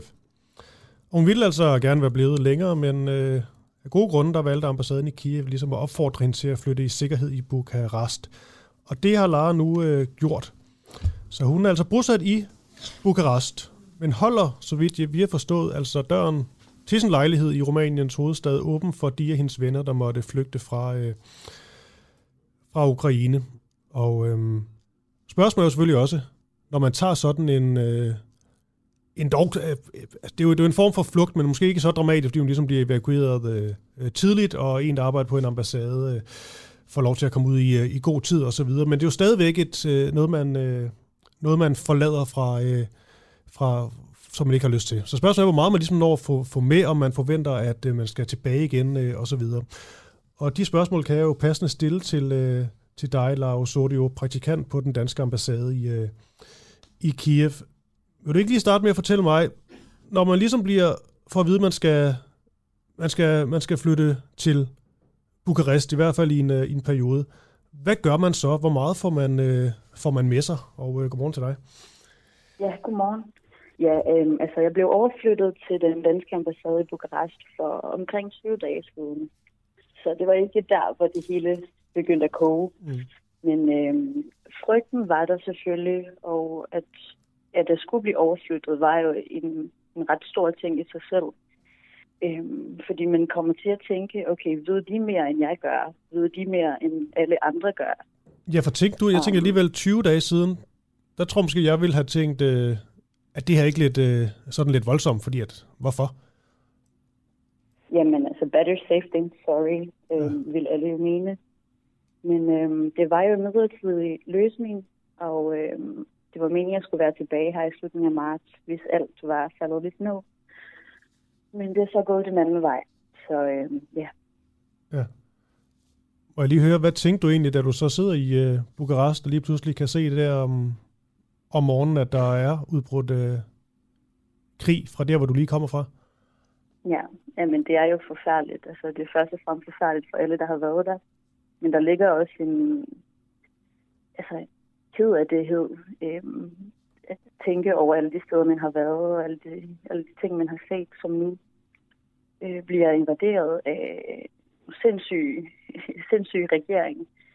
Og øh, det er rigtig hårdt at vide, at jeg har venner, som stadig gemmer sig i metrostationer og i deres musikstudie i kælderen. Øh, eller jeg har en anden ven, som lige er kommet til Polen øh, for et par timer siden, heldigvis.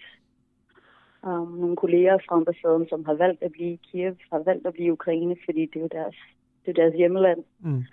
Øh, så det er rigtig hårdt at følge med i det. Øh, det er rigtig hårdt at se, hvad der sker. Ja. Ja. Dem, du, øh, du kender, dine ja, venner og, og bekendte i Ukraine, er de fleste af dem blevet for at, at kæmpe? Øhm, ikke de fleste. Altså, det er jo mange unge mennesker, jeg har snakket med. Ja. Og øhm, lad os sige det sådan, de er ikke så krigsorienterede. Øhm, og derfor bliver de for at blive sammen med deres familie, sammen med deres venner og holde ud. Ja. Øhm, men jeg tror, når det kommer til det, hvis det er nødvendigt, så altså, den menneskelige reaktion er at reagere. Altså at forsvare sit territorium, forsvare sit liv, må ikke det kan komme, mm. komme i tanker. Hvem er du, eller hvor mange er du i kontakt med af dem, og hvordan fungerer det egentlig? Altså kan man, øh, kan du skrive sms'er og, og ringe til dem alle sammen stadigvæk? Ja, altså der er stadigvæk internetforbindelse, det er der. Og øhm, det er primært på Instagram, på WhatsApp, Ja. øhm, som jeg, hvor jeg kommunikerer med dem. Ja. Ja. Og hvad oplever du der? Jamen, der er altså meget sparsomlige ord. Jeg tror også, de oplever, at mange skriver til dem. Mm. Så det er bare en gentagelse. Altså, det er overvældende for dem at få at blive spurgt, hvordan har du det? Fordi altså, man har det ikke godt. øhm, men alle vil jo vide, alle vil jo have opdateringer.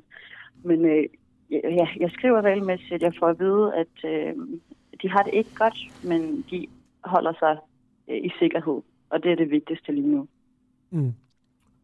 Og sikkerhed, så vidt jeg forstået, så er det jo selvfølgelig, øhm, ja, man taler jo om øh, at være i metrostationer, men også sådan noget med at tage, tage væk til, til sommerhus og sådan mere afsideslæggende Ja. steder. Ja. Præcis, ja. Jamen lige præcis. Øh, de, de, de er heldigere af mine venner. Øh, For eksempel en af dem er taget til en dacha sommerhus øh, lidt længere væk fra Kiev sammen med hendes forældre. Og øh, der er i hvert fald lidt mere sikkert. Øh, der er ikke noget gennemgangspassage øh, passage fra, til de større byer. Så det er, øh, ja, det er lidt væk fra centrum i hvert fald. Væk fra de større byer. Ja. Har du talt med, med nogle af dine, øh, dine venner, som eksempelvis stadig er i, øh, i Kiev, om hvad de forventer af de næste, øh, den, kommende, den kommende tid? Altså er der, er der re- regulær frygt nu?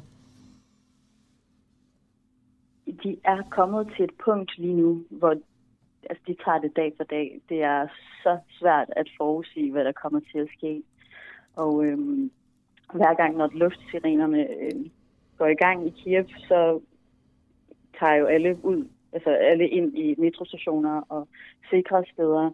Så det er time, øh, ja, day by day, hour by hour. Um, Ja. det er svært at sige. Det er svært at sige, hvor mange gange luftsirenerne går i gang. Øhm, og for hver gang det sker, så er der frygt. Øhm, jeg taler med en af mine venner om det. Øhm, at det er ligesom, altså, hun, hun hører det i sin, i sin drømme. Ja. Hun hører det i sin drømme? Ja. Ja, præcis. Ja. Jamen, det er egentlig også det, nu tror, jeg fik stillet et spørgsmål sådan lidt dumt, for selvfølgelig er der, er der frygt, men det er også mere sådan, hvor, hvor meget den har sat sig, fordi på et tidspunkt, trods at det kun er gået på dage, så bliver det jo også bare en ny øh, virkelighed, man lever i. Så det er også Ja. bare, hvor meget alarmberedskab i de er sådan hele tiden. Ja, altså folk holder jo sammen. Der bliver sunget øh, der bliver der er så meget solidaritet omkring, altså i, blandt de her mennesker, i blandt den her, det her samfund. Så de holder humøret selvfølgelig oppe, øh, så meget som de kan. Um, men der er, ikke, øh, der er ikke mere at gøre, end vidderligt at tage det dag for dag. Mm. Øhm, ja. Okay, Lado Soria, så du er så i øh, Rumæniens hovedstad, øh, Bukarest, og øh, i, i, i, i sikkerhed. Lige sidste spørgsmål, eller oplagt spørgsmål. Tror du på, at du kommer tilbage til, øh, til Kiev? Øh, ja. Øh, ja, det gør jeg. ja, og håber. hvis ikke, hvis ikke ja. om en måned, så måske om fire. Ja. Um, jeg har med vilje efterladt halvdelen af mine ting i Kiev, fordi tanken var at komme tilbage. Ja. Øhm, og ligegyldigt, ja, altså det er meget svært at sige. Men øh, jo, det tror jeg på på et tidspunkt. Okay. Lars Odio, ja, praktikant på den danske ambassade i, øh, i Kiev, som nu sidder i uh, Bukarest. Tak fordi jeg lige fortæller lidt om dig selv, og også om din, uh, dine venner i, uh, i Ukraine lige nu. Fortsat god dag. Ja, i lige måde. Tak.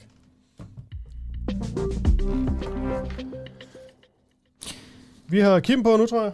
Eller hvad? Kim Madsen. Øhm, jeg kan lige sige, at øh, for fire timer siden, der skrev øh, mediet The Kiev Independent, at øh, et missil har ramt en øh, boligbygning i byen Cherniviv, en øh, by, som ligger 150 km nord for Kiev. Øh, og øh, det er ifølge sådan øh, statslig kommunikationsservice, øh, der, der beretter om det. Og øh, de to nederste etager i den her boligbygning, den er blevet, øh, det, det er blevet sat i brand. Og der er så ingen oplysninger om til skadekommende. Hvorfor siger jeg det her? Jamen det siger jeg, fordi Kim Madsen, som vi er med nu, vil forsøge at rejse til Tjernihiv for at hente sin datter og sin hustru. Og øh, Kim, hvor er du lige nu? Jeg er i Lviv. Og øh, hvad er din plan? Det er at komme til Tjernihiv og få min hustru og lille datter ud på halvanden måned. Og øh, hvor, hvorfor er du ikke sammen med dem i første omgang? Hvad har skilt jer ad? Det er fordi, at jeg har været i Danmark og arbejdet. Jeg er fisker til hverdag. Mm. Og når jeg, er i Danmark, når jeg er i Danmark, så er jeg der 3-4 uger og på arbejde, og så rejser jeg hjem i en 3-4 uger. Mm. Hvad, øhm, hvad er det sidste, du har hørt fra din kone? Det har jeg hørt for 10 minutter siden, at de har set i undergrunden siden i går morges klokken 9. Okay. Og øhm, er de bange? Selvfølgelig er de bange, og min kone hun har også en uh, datter på 13 år, som er panisk angst. Som at, at jeg selvfølgelig også har taget til mig, at jeg skal, jeg skal have, bare have dem ud. Ja. Og hvordan vil du gøre det helt konkret? Altså, at kommer du i bil? Ja. Uh, jeg har nogle uh, gode ukrainske bekendte her i Lviv, som stiller en bil til rådighed. Mm. Og, og så har du tænkt dig at køre ind i byen. Er det, er det muligt, eller er det... Altså... Lige nu der er det umuligt. Men, uh, Hvorfor er det umuligt? Jeg håber.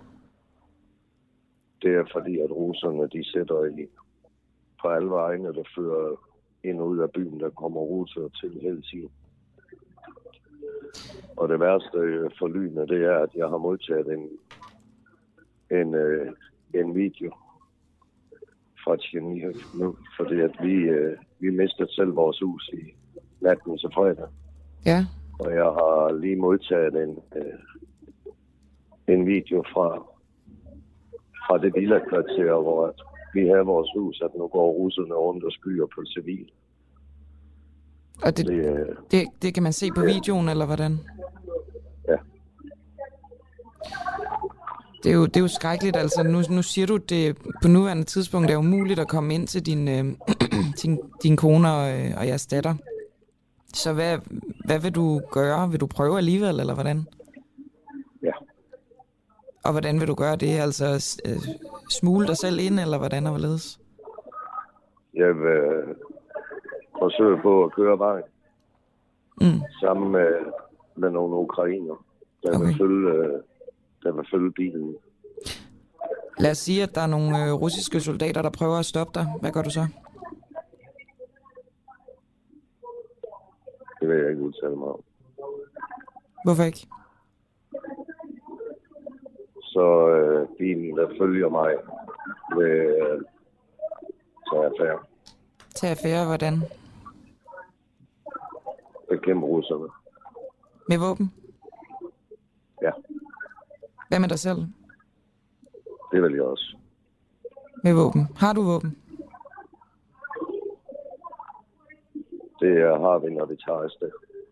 Okay. Er du villig til at dræbe for at, for at få din øh, kone og dit barn ud? Ja. Hvor befinder du dig lige nu? Altså, øhm, du er i Lviv, men, øh, men hvor mere konkret er du? Det er et sted, hvor at, øh, folk de strømmer til, som prøver på at... Øh, enten så er de på vej til at hjælpe deres familie ud, eller også så øh, strømmer de til for at komme ud af Ukraine og komme videre. Hvordan har du det selv lige nu? Rent udsagt af helvede til. Ordet, det kan beskrives. Mm.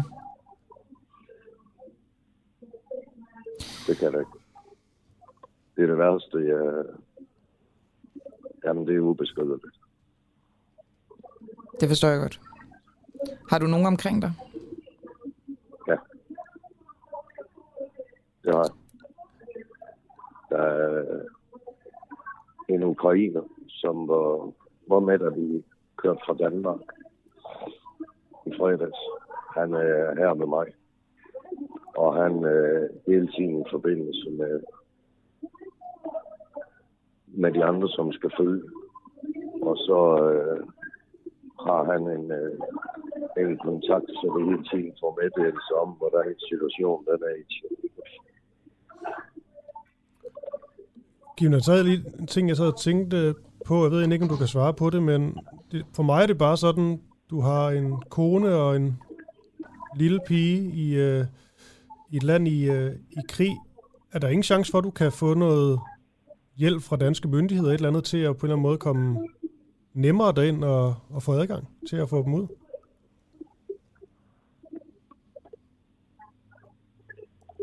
Hvis du kan fortælle mig, hvor jeg skulle ringe hen, så ville jeg være glad. Jeg ved, jeg ved, det, Jeg jeg ved har det ikke selv. Det er bare fordi, det virker bare, Jeg det der har- vildt, du skal gøre det hele selv. Jeg har øh, været i kontakt med den danske ambassade, Ja. og det eneste, jeg har fået, be, fået besked på, det er, at jeg skal passe på. Og øh, de håber og ønsker selvfølgelig, at jeg når det til at få, få min kone og, og børn ud derfra. Og Men de kan jo ikke garantere for din, jeg- øh, for din sikkerhed eller deres sikkerhed. Nej. Okay. Så ingen hjælp at hente fra ambassaden i virkeligheden? hvad siger du? Så ikke nogen hjælp at hente fra ambassaden i virkeligheden? Nej. Det var det ikke. Okay. Det eneste, det var, der blev sagt, det var, at de forstod godt, øh, øh, at jeg ville gøre det, det ville de selv have gjort. Ja. Men øh, det var det, øh, det var det, det var det svar, som at, at de, de gav mig. Og der er ingen, der behøver at fortælle mig, at jeg skal, at jeg skal passe på. Der er heller ingen, der behøver at fortælle mig, at de håber, at jeg får min hustru og, og min lille datter ud, og hendes datter. Jeg siger børn, det er fordi, jeg har taget hendes datter til mig. Og Okay. jeg vil gøre alt for at få dem ud. Det forstår vi i den grad godt. Lige her til sidst, Kim, er din, øh, er din hustru trods alt, øh, trods omstændighederne ved, altså ved godt mod? Hun kæmper en brav kamp. Det Ja. gør hun. Hun er... Jeg er imponeret over hende. Det må jeg nok sige. Jeg tror, vi vil fristå os fra at sige, at du skal passe på dig selv, Kim, men vi vil gerne sige held og lykke til dig. Det er jeg glad for. Okay. Ha' det godt, Kim. Tak. Godt, hej. Du lytter lige nu til Den Uafhængige. Danmarks måske mest kritiske, nysgerrige og levende radio. Hvis du har en god idé til en historie, så skriv til os på Facebook eller send os en mail. Adressen finder du på hjemmesiden.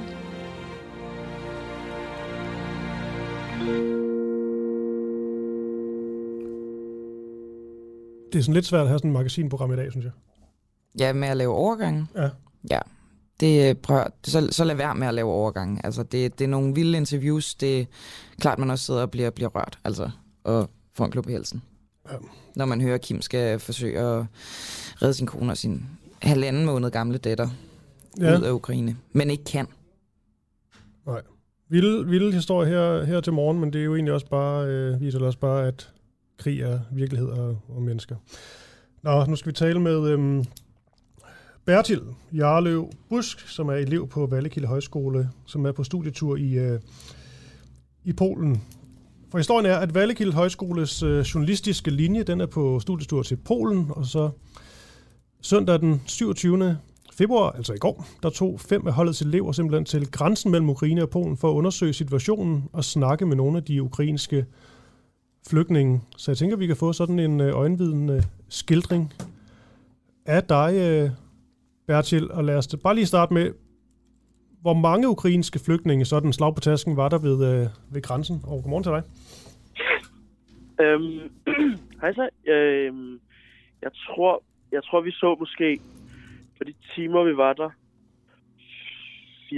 400-500 kom over grænsen, øh, vil jeg tro. Ja. Øhm, og så var der rigtig mange samlet i de omkringliggende, sådan, der lå en McDonald's ikke så langt fra der, hvor, eller sådan en halv time væk i bil, der var der også rigtig mange. Øhm, ja. Vil du fortælle langt, vil, du, altså, ja, yes. vil, vil du prøve at sætte, øh, sætte scenen for os? Øhm, hvor, Men øhm, ja. ja, undskyld.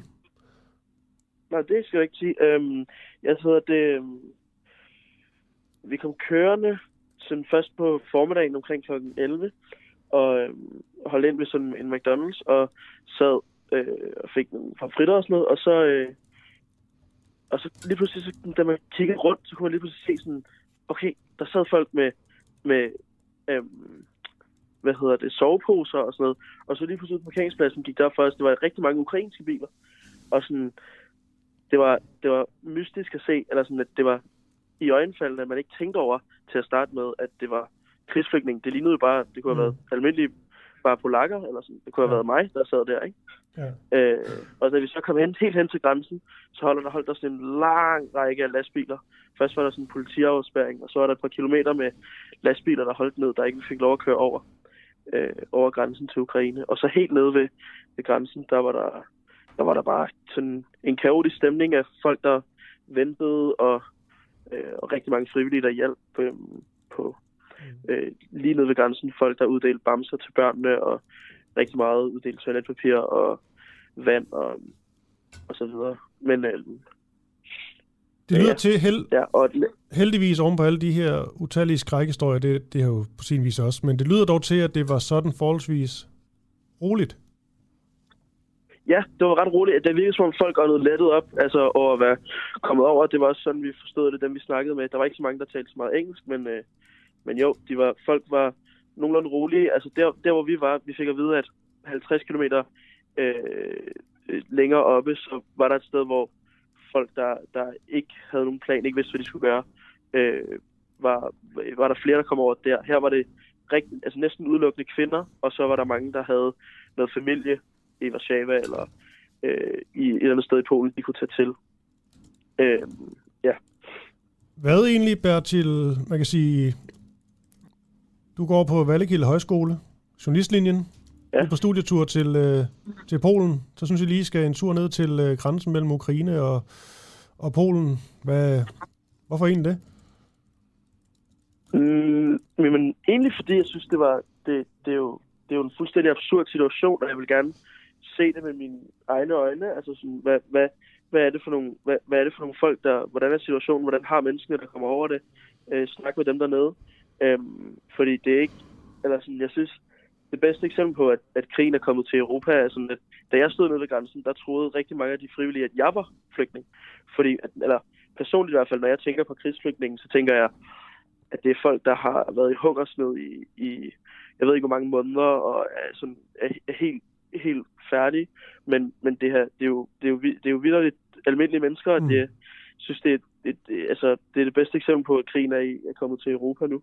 Ja. At øhm, det er vildt bare almindelige folk, og de tager, de tager, de tager ind på McDonald's og står på touchskærmen og bestiller mad bagefter. Altså, det, det er jo bare det er jo et, mysti, et, mærkeligt, et mærkeligt syn. Ja. Rædselsfuldt. Og allerede lørdag formiddag, der lød det, at, øh, at Polen altså har modtaget de første 100.000 øh, flygtninge. Det er virkelig ikke øh, for sjovt her. Men skal lige høre til sidst, Bertil, nu i, nu i Varder og så de her, øh, de her mennesker. Talte I med nogle af dem?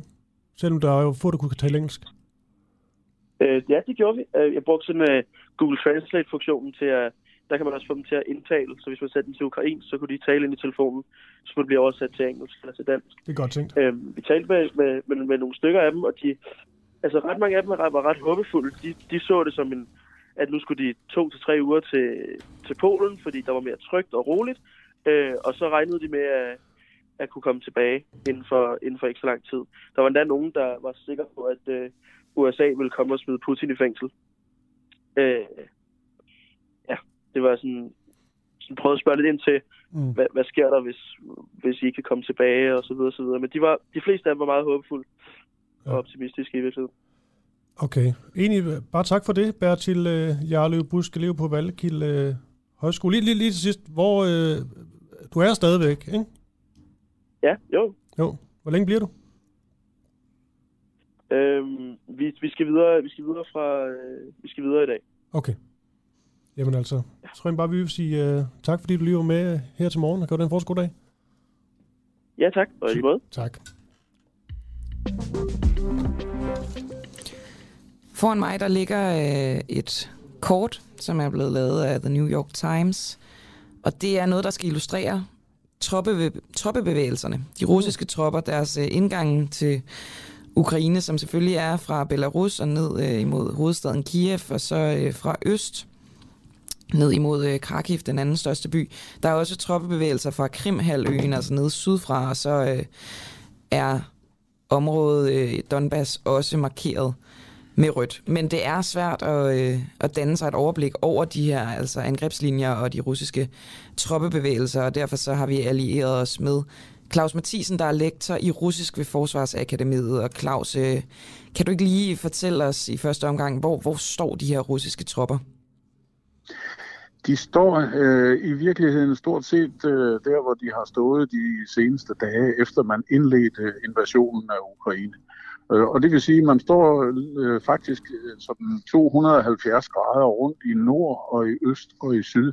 Der, hvor man har haft, for mig at se, mest fremgang, det er i syd, hvor man har erobret to øh, byer, Kherson og Melitopol, nede i den sydlige del af Ukraine. Man har også været tæt på Kharkiv i den nordlige del af Ukraine.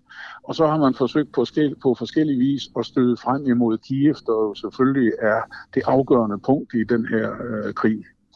Mm. Og hvad med Odessa havnebyen? Den synes jeg også, der var snak om på et tidspunkt. Der har været snak om den, og, og, og det, der er ikke noget, der tyder på, at der sådan for alvor har været foretaget noget fra russisk side. Det, der var øh, snak om i, den, i det første døgn, at der måske var en sølandsætningsoperation på vej, og der har været andre forlydende, men der er til synligheden ikke noget af det, der rigtig har været holdt i endnu i hvert fald.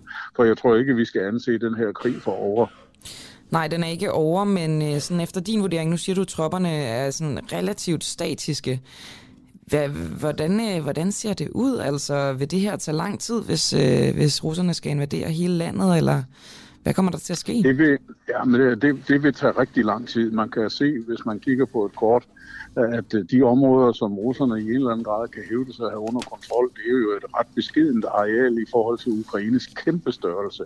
Ukraine er jo 600.000 kvadratkilometer stort, og det var en af årsagerne til, at øh, jeg og andre var lidt skeptiske over for, om russerne for det første overhovedet kunne magte det militært og Europa det hele, og især, og det er jo det store spørgsmål, hvis nu vi om et eller andet antal døgn ser en mulig russisk sejr, hvordan vil de så bagefter kontrollere hele det område og få den ukrainske befolkning, som jo tydeligvis har udvist voldsom modstandsvilje, for den til at makke ret. Og det er derfor, man snakker om, at der vil, det vil afføde guerillakrige, øhm, hvis altså, det skulle det, lykkes det, russerne. Det, og... det, det synes jeg, hvor, hvor jeg måske i starten var lidt i tvivl og tænkte, ah ja, der kunne godt være, at der var en stor del af ukrainerne, som måske ville forholde sig sådan lidt passivt øh, til, når russerne kom, selvom de ikke måske var vilde med dem. Men der synes jeg, at det vi har set, det er en nærmest øh, landsomfattende modstandsvilje, som øh, også skyldes øh, den retorik, som Rusland har brugt øh, om øh, alle ukrainer. Han har jo kaldt dem narkomaner og nazister alle sammen. Og det er jo ikke lige frem den måde, man, man, man vinder hearts and minds i et øh, territorium, som man gerne vil overtage kontrollen over. Nej, man kan sige, at den øh, ukrainske sådan, øh, nationalkærlighed, den, øh, den synes styrket i, i de her dage. Men altså, man kan sige, øh, forud for øh, at Rusland gik ind, der var efterretningerne jo, at de havde, øh, hvad skal man sige, militær nok til at, øh, at gå ind i Ukraine. Hvad, hvad er der sket siden, at øh, den her invasion tydeligvis tager længere tid, end der var, var kalkuleret med? Er det simpelthen opstanden fra den ukrainske befolkning, som er kommet bag på Putin? Jeg, jeg tror, der er flere faktorer. Øh, en, en faktor kan være, at netop fordi, som jeg sagde, man har også tænkt over, hvordan skal vi få kontrol bagefter, så har man valgt at ikke gå alt for voldsomt til værks. Og det ved vi jo ellers, at russiske styrker er ganske effektive til, hvis vi kigger på Tjetjenienkrigen og Georgienkrigen, hvor meget man har smadret på sin vej. Øhm, og så, det, det er den ene grund, som selvfølgelig er lidt spekulativ, fordi vi ved det ikke med sikkerhed. Den anden er, at det er helt givet, at de ukrainske styrker, både de regulære styrker og de her territorieforsvarsstyrker, som er sådan en slags hjemmeværn, de har kæmpet med meget større iver og vilje, end russerne overhovedet havde forventet. Sådan noget som uh, Molotov-cocktail, som man jo uh, hører om, at øh, der bliver lavet af civilbefolkningen. Kan de gøre en forskel i sådan en her krig? Jamen det kan de, og det kan de netop, når russiske styrker bevæger sig ind i byer øh, og bebyggede områder, hvor man kan gemme sig bag hushjørner bogstaveligt talt, og så løbe frem og smide sådan en, ja, som er et relativt øh, primitivt våben, man smide den op det rigtige sted på en for eksempel kampvogn, eller ned i mandskabslugen på en pansret mandskabsvogn, jamen så er det bare ikke sjovt. Øh, og, og, og, og, det, det, er, det er så noget, som vi ser ske. Øh, jeg er lige ved at vil vurdere, at der næsten ikke er tomme flasker tilbage i Ukraine. De er alle sammen fyldt med benzin, og der er sat klud i, og man har en tændstik klar hvis russerne kommer. Så det kan det være, at det er det næste, vi skal sende afsted imod Ukraine, Claus Mathisen. Lige til sidst, efter din vurdering, øh, det næste døgn, holder øh, Kiev stand, eller, eller falder den? Det er jo en, et, et, et, et virkelig godt spørgsmål. Øhm, hver eneste døgn er vigtigt. Den ukrainske præsident har igen udtalt, at, øh, at, at det næste døgn er afgørende. Jeg vil sige, at hver eneste døgn Ukraine holder ud i den her konflikt mod en jo overlegen modstander, i hvert fald på papiret voldsomt overlegen, øh, modstander. Det har betydning også for, hvad der eventuelt kommer til at ske fremover. Hvor stor vil modstandsviljen i Ukraine blandt ukrainerne være? Hvor meget vil øh, Vesten have sympati og dermed støtte Ukraines sag, også hvis det skulle gå så galt, at Ukraine falder og bliver overtaget af Rusland? For det er der en risiko for. Det må vi bare erkende. Tusind tak for det, Claus Mathisen, lektor ved Forsvarsakademiet, fordi du lige var med. Ja, selv tak. Selv tak.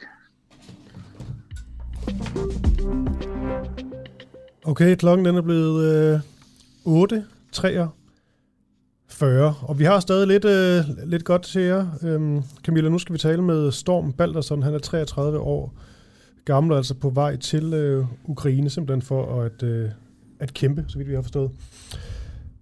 Og det er jo sådan, at øh, Zelensky, den ukrainske præsident, har opfordret folk til at rejse til Ukraine for at hjælpe med at bekæmpe russerne. Og så sagde statsminister Mette Frederiksen i går, tror jeg det var, til spørgsmål om, hvorvidt det er, det er okay, man tager ned og slås, at det er i orden. Det er i hvert fald ikke ulovligt at kæmpe på Ukraines side.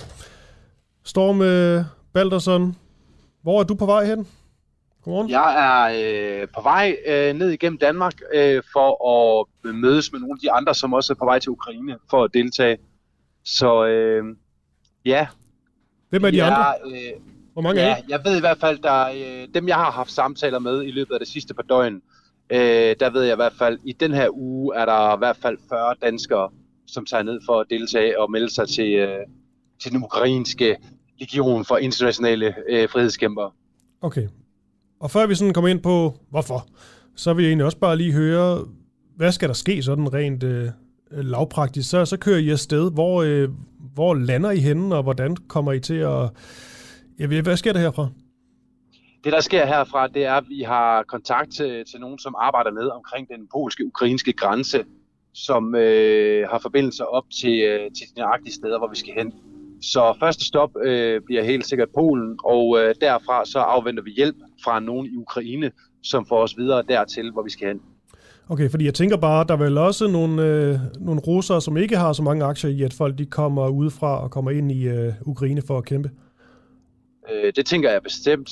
Øh, ja, det, det er jeg slet ikke i tvivl om. Men, men, men øh, uanset hvad man vender og drejer det, så, øh, så det, der sker lige nu, det er jo katastrofalt. Og øh, det er meget muligt, at jeg ikke selv er gammel soldat eller ting og sager, men, men, men øh, jeg tager helt sikkert ned for at bidrage med det, jeg kan på, på bedst mulig vis. Men kan du, øh, kan du betjene et våben?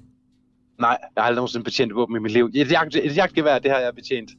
Øh, men til gengæld så øh, har jeg seks års erfaring som sømand, hvor jeg har alle kurser og alle beviser inden for brand og redning. Øh, og øh, jeg håber naturligvis på ikke, at jeg skal ned og affyre våben, men øh, bliver det nødvendigt, så skal jeg selvfølgelig nok gøre det. Du skal selvfølgelig nok gøre det, Storm, men når du ikke har nogen kamperfaring, og du ikke har noget øh, erfaring med at betjene våben, vil det så være sikkert for dig, altså måske både for dig rent personligt, men også at du ikke altså, kommer til at simpelthen at skyde de forkerte? Um, altså uanset hvad, så, øh, så tror jeg ikke på, at jeg bare får udleveret et våben til at kæmpe. Uh, jeg ved, der er nogle øh, Så I ikke våben med? Dernede. Nej, nej, det har vi ikke. Det får vi udleveret dernede. Så øh, det er klart, vi, er ikke, vi, er ikke, vi kan ikke bare lovligt tage våben med derned. Øh, men øh, altså, jeg snakkede med en fra Ukraine den anden dag, som øh, kunne fortælle, at hans bedste mor på 80, uden nogen former for, øh, for militær erfaring, øh, har fået udleveret våben for at forsvare deres land. Mm. Så øh, jeg tænker sådan umiddelbart, at øh, Ukraine er meget interesseret i, at alle, som kan, øh, kommer og hjælper. Men det her kommer jo også med en, øh, en risiko. Den risiko bliver vel kun det større, hvis man ikke er sådan som militær køndig, om lige pludselig står over for en, øh, en russisk her. Er du ikke, Absolut. er du ikke bange? Det er da bestemt, bestemt. Altså, jeg, jeg er også lige nødt til samtidig at sige, at jeg har da ikke lyst til at skal derned og i krig. Øh, jeg frygter da, hvad det er, jeg skal ned til. Under alle omstændigheder, så, øh, så håber jeg da, det er stoppet, inden jeg kommer derned. Men øh, jeg vil hellere kæmpe dernede, end jeg vil kæmpe i min baghave i Danmark. Så, så, så det er meget enkelt. Men er du klar til at dø for det her? Altså lige nu der er der øh, 44 millioner ukrainer, som bliver tæppebumpet hver nat øh, og bliver beskudt dag og nat. Øh, så, så hvis jeg kan hjælpe, og hvis det, altså, det er klart, det kan jo godt have en pris for mig også. Men så tænker jeg nu, nu det er ikke for at lyde alt for kynisk, øh, Storm, for vi er helt enige om, det er fuldstændig tragisk. Vi har også talt med masser her til morgen, øh, fået nogle forfærdelige øh, øjenvidende beretninger.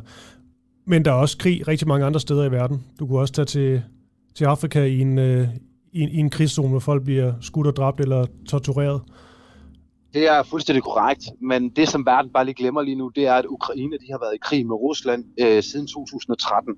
Og øh, det er meget muligt, det ikke har været hele Ukraine, men det her det er nogle, en krig, som skal stoppes, og det er en krig, som er så farlig, at den kan ende i Norden. Øh, Hvorfor er du så, så først rejst nu? forpligtet til at gøre. Hva? Hvorfor er du så først rejst nu?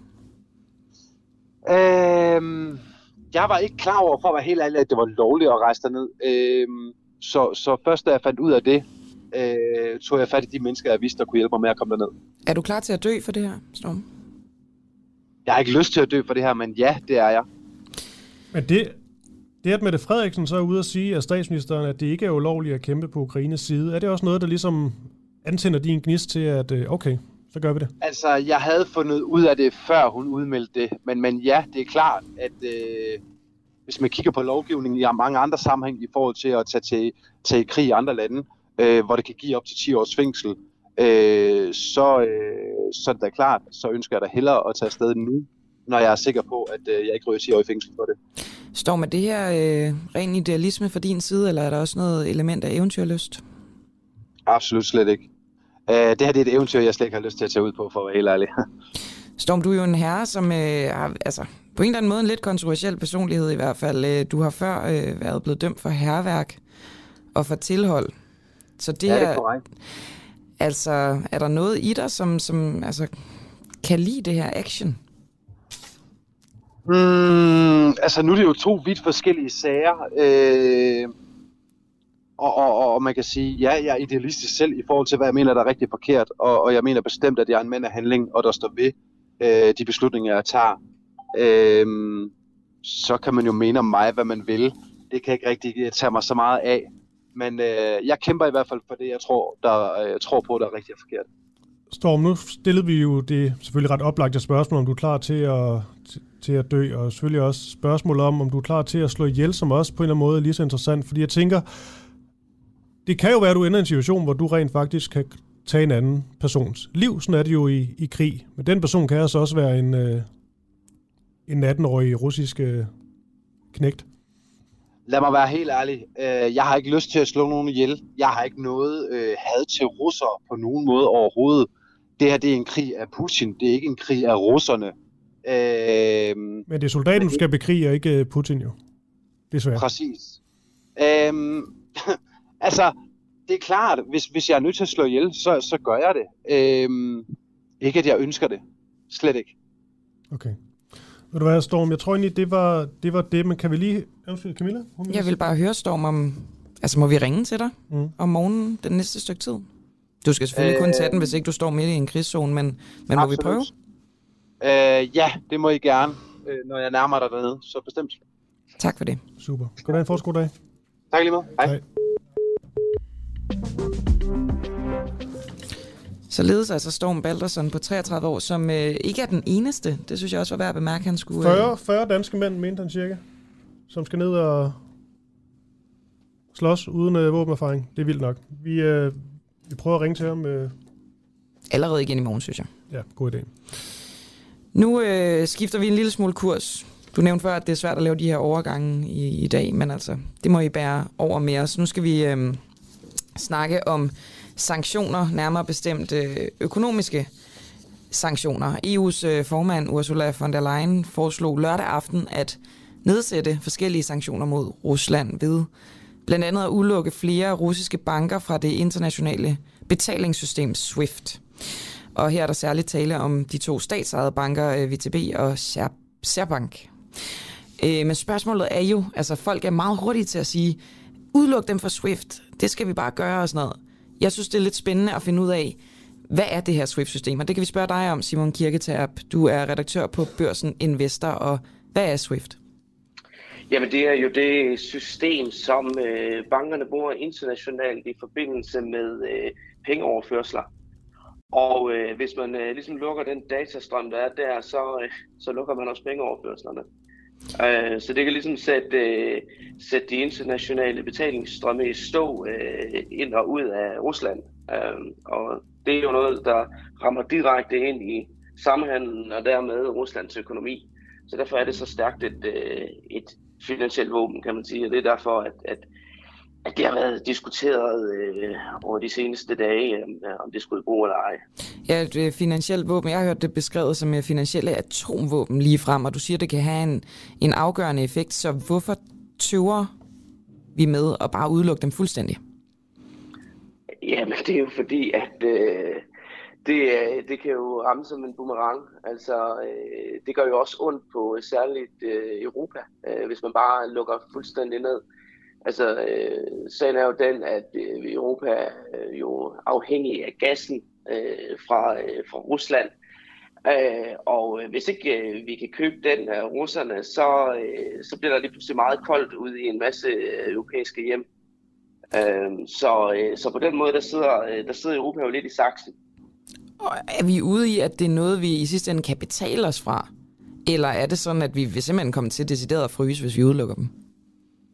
Det er faktisk et rigtig, rigtig godt spørgsmål, og der må jeg altså sige, at øh, der er jeg ikke nok gasekspert til at Nej. sige, om øh, man, hvis man bare siger, at vi er villige til at betale hvad som helst for gassen, at så, øh, at så er det nok. Øh, det, øh, der skal det, du nok have fat i en, en anden type. Så. Det er helt i orden, Simon, men så vil jeg vende tilbage til, til økonomien, fordi det er jo, altså på en eller anden måde havde man jo troet, at al den her samhandel, som der er internationalt, også med Rusland, det ville øh, ligesom sikre verdensfreden på en eller anden måde. Nu er det ikke tilfældet. Øhm, hvor, hvor afhængig, altså sådan på et lidt større øh, billede, kan man sige, hvor afhængig er øh, Rusland for eksempel af USA, og hvor, hvor afhængig er USA af Rusland?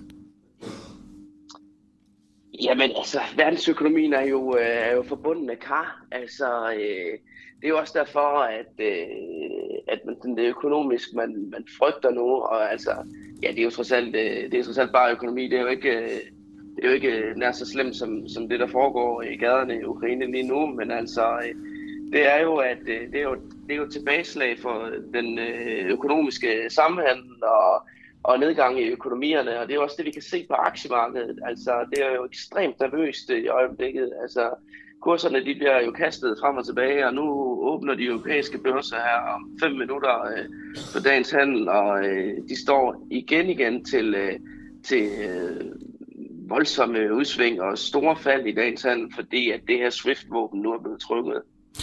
Og altså, som jeg har forstået det, så uh, SWIFT, det er ikke det, der sådan foretager overførslerne, overførslerne, de internationale overførsler. Det er det, der kommunikerer overførslerne. Nemlig, Men det skal ligesom nemlig. til, for at en overførsel kan ligesom gå igennem.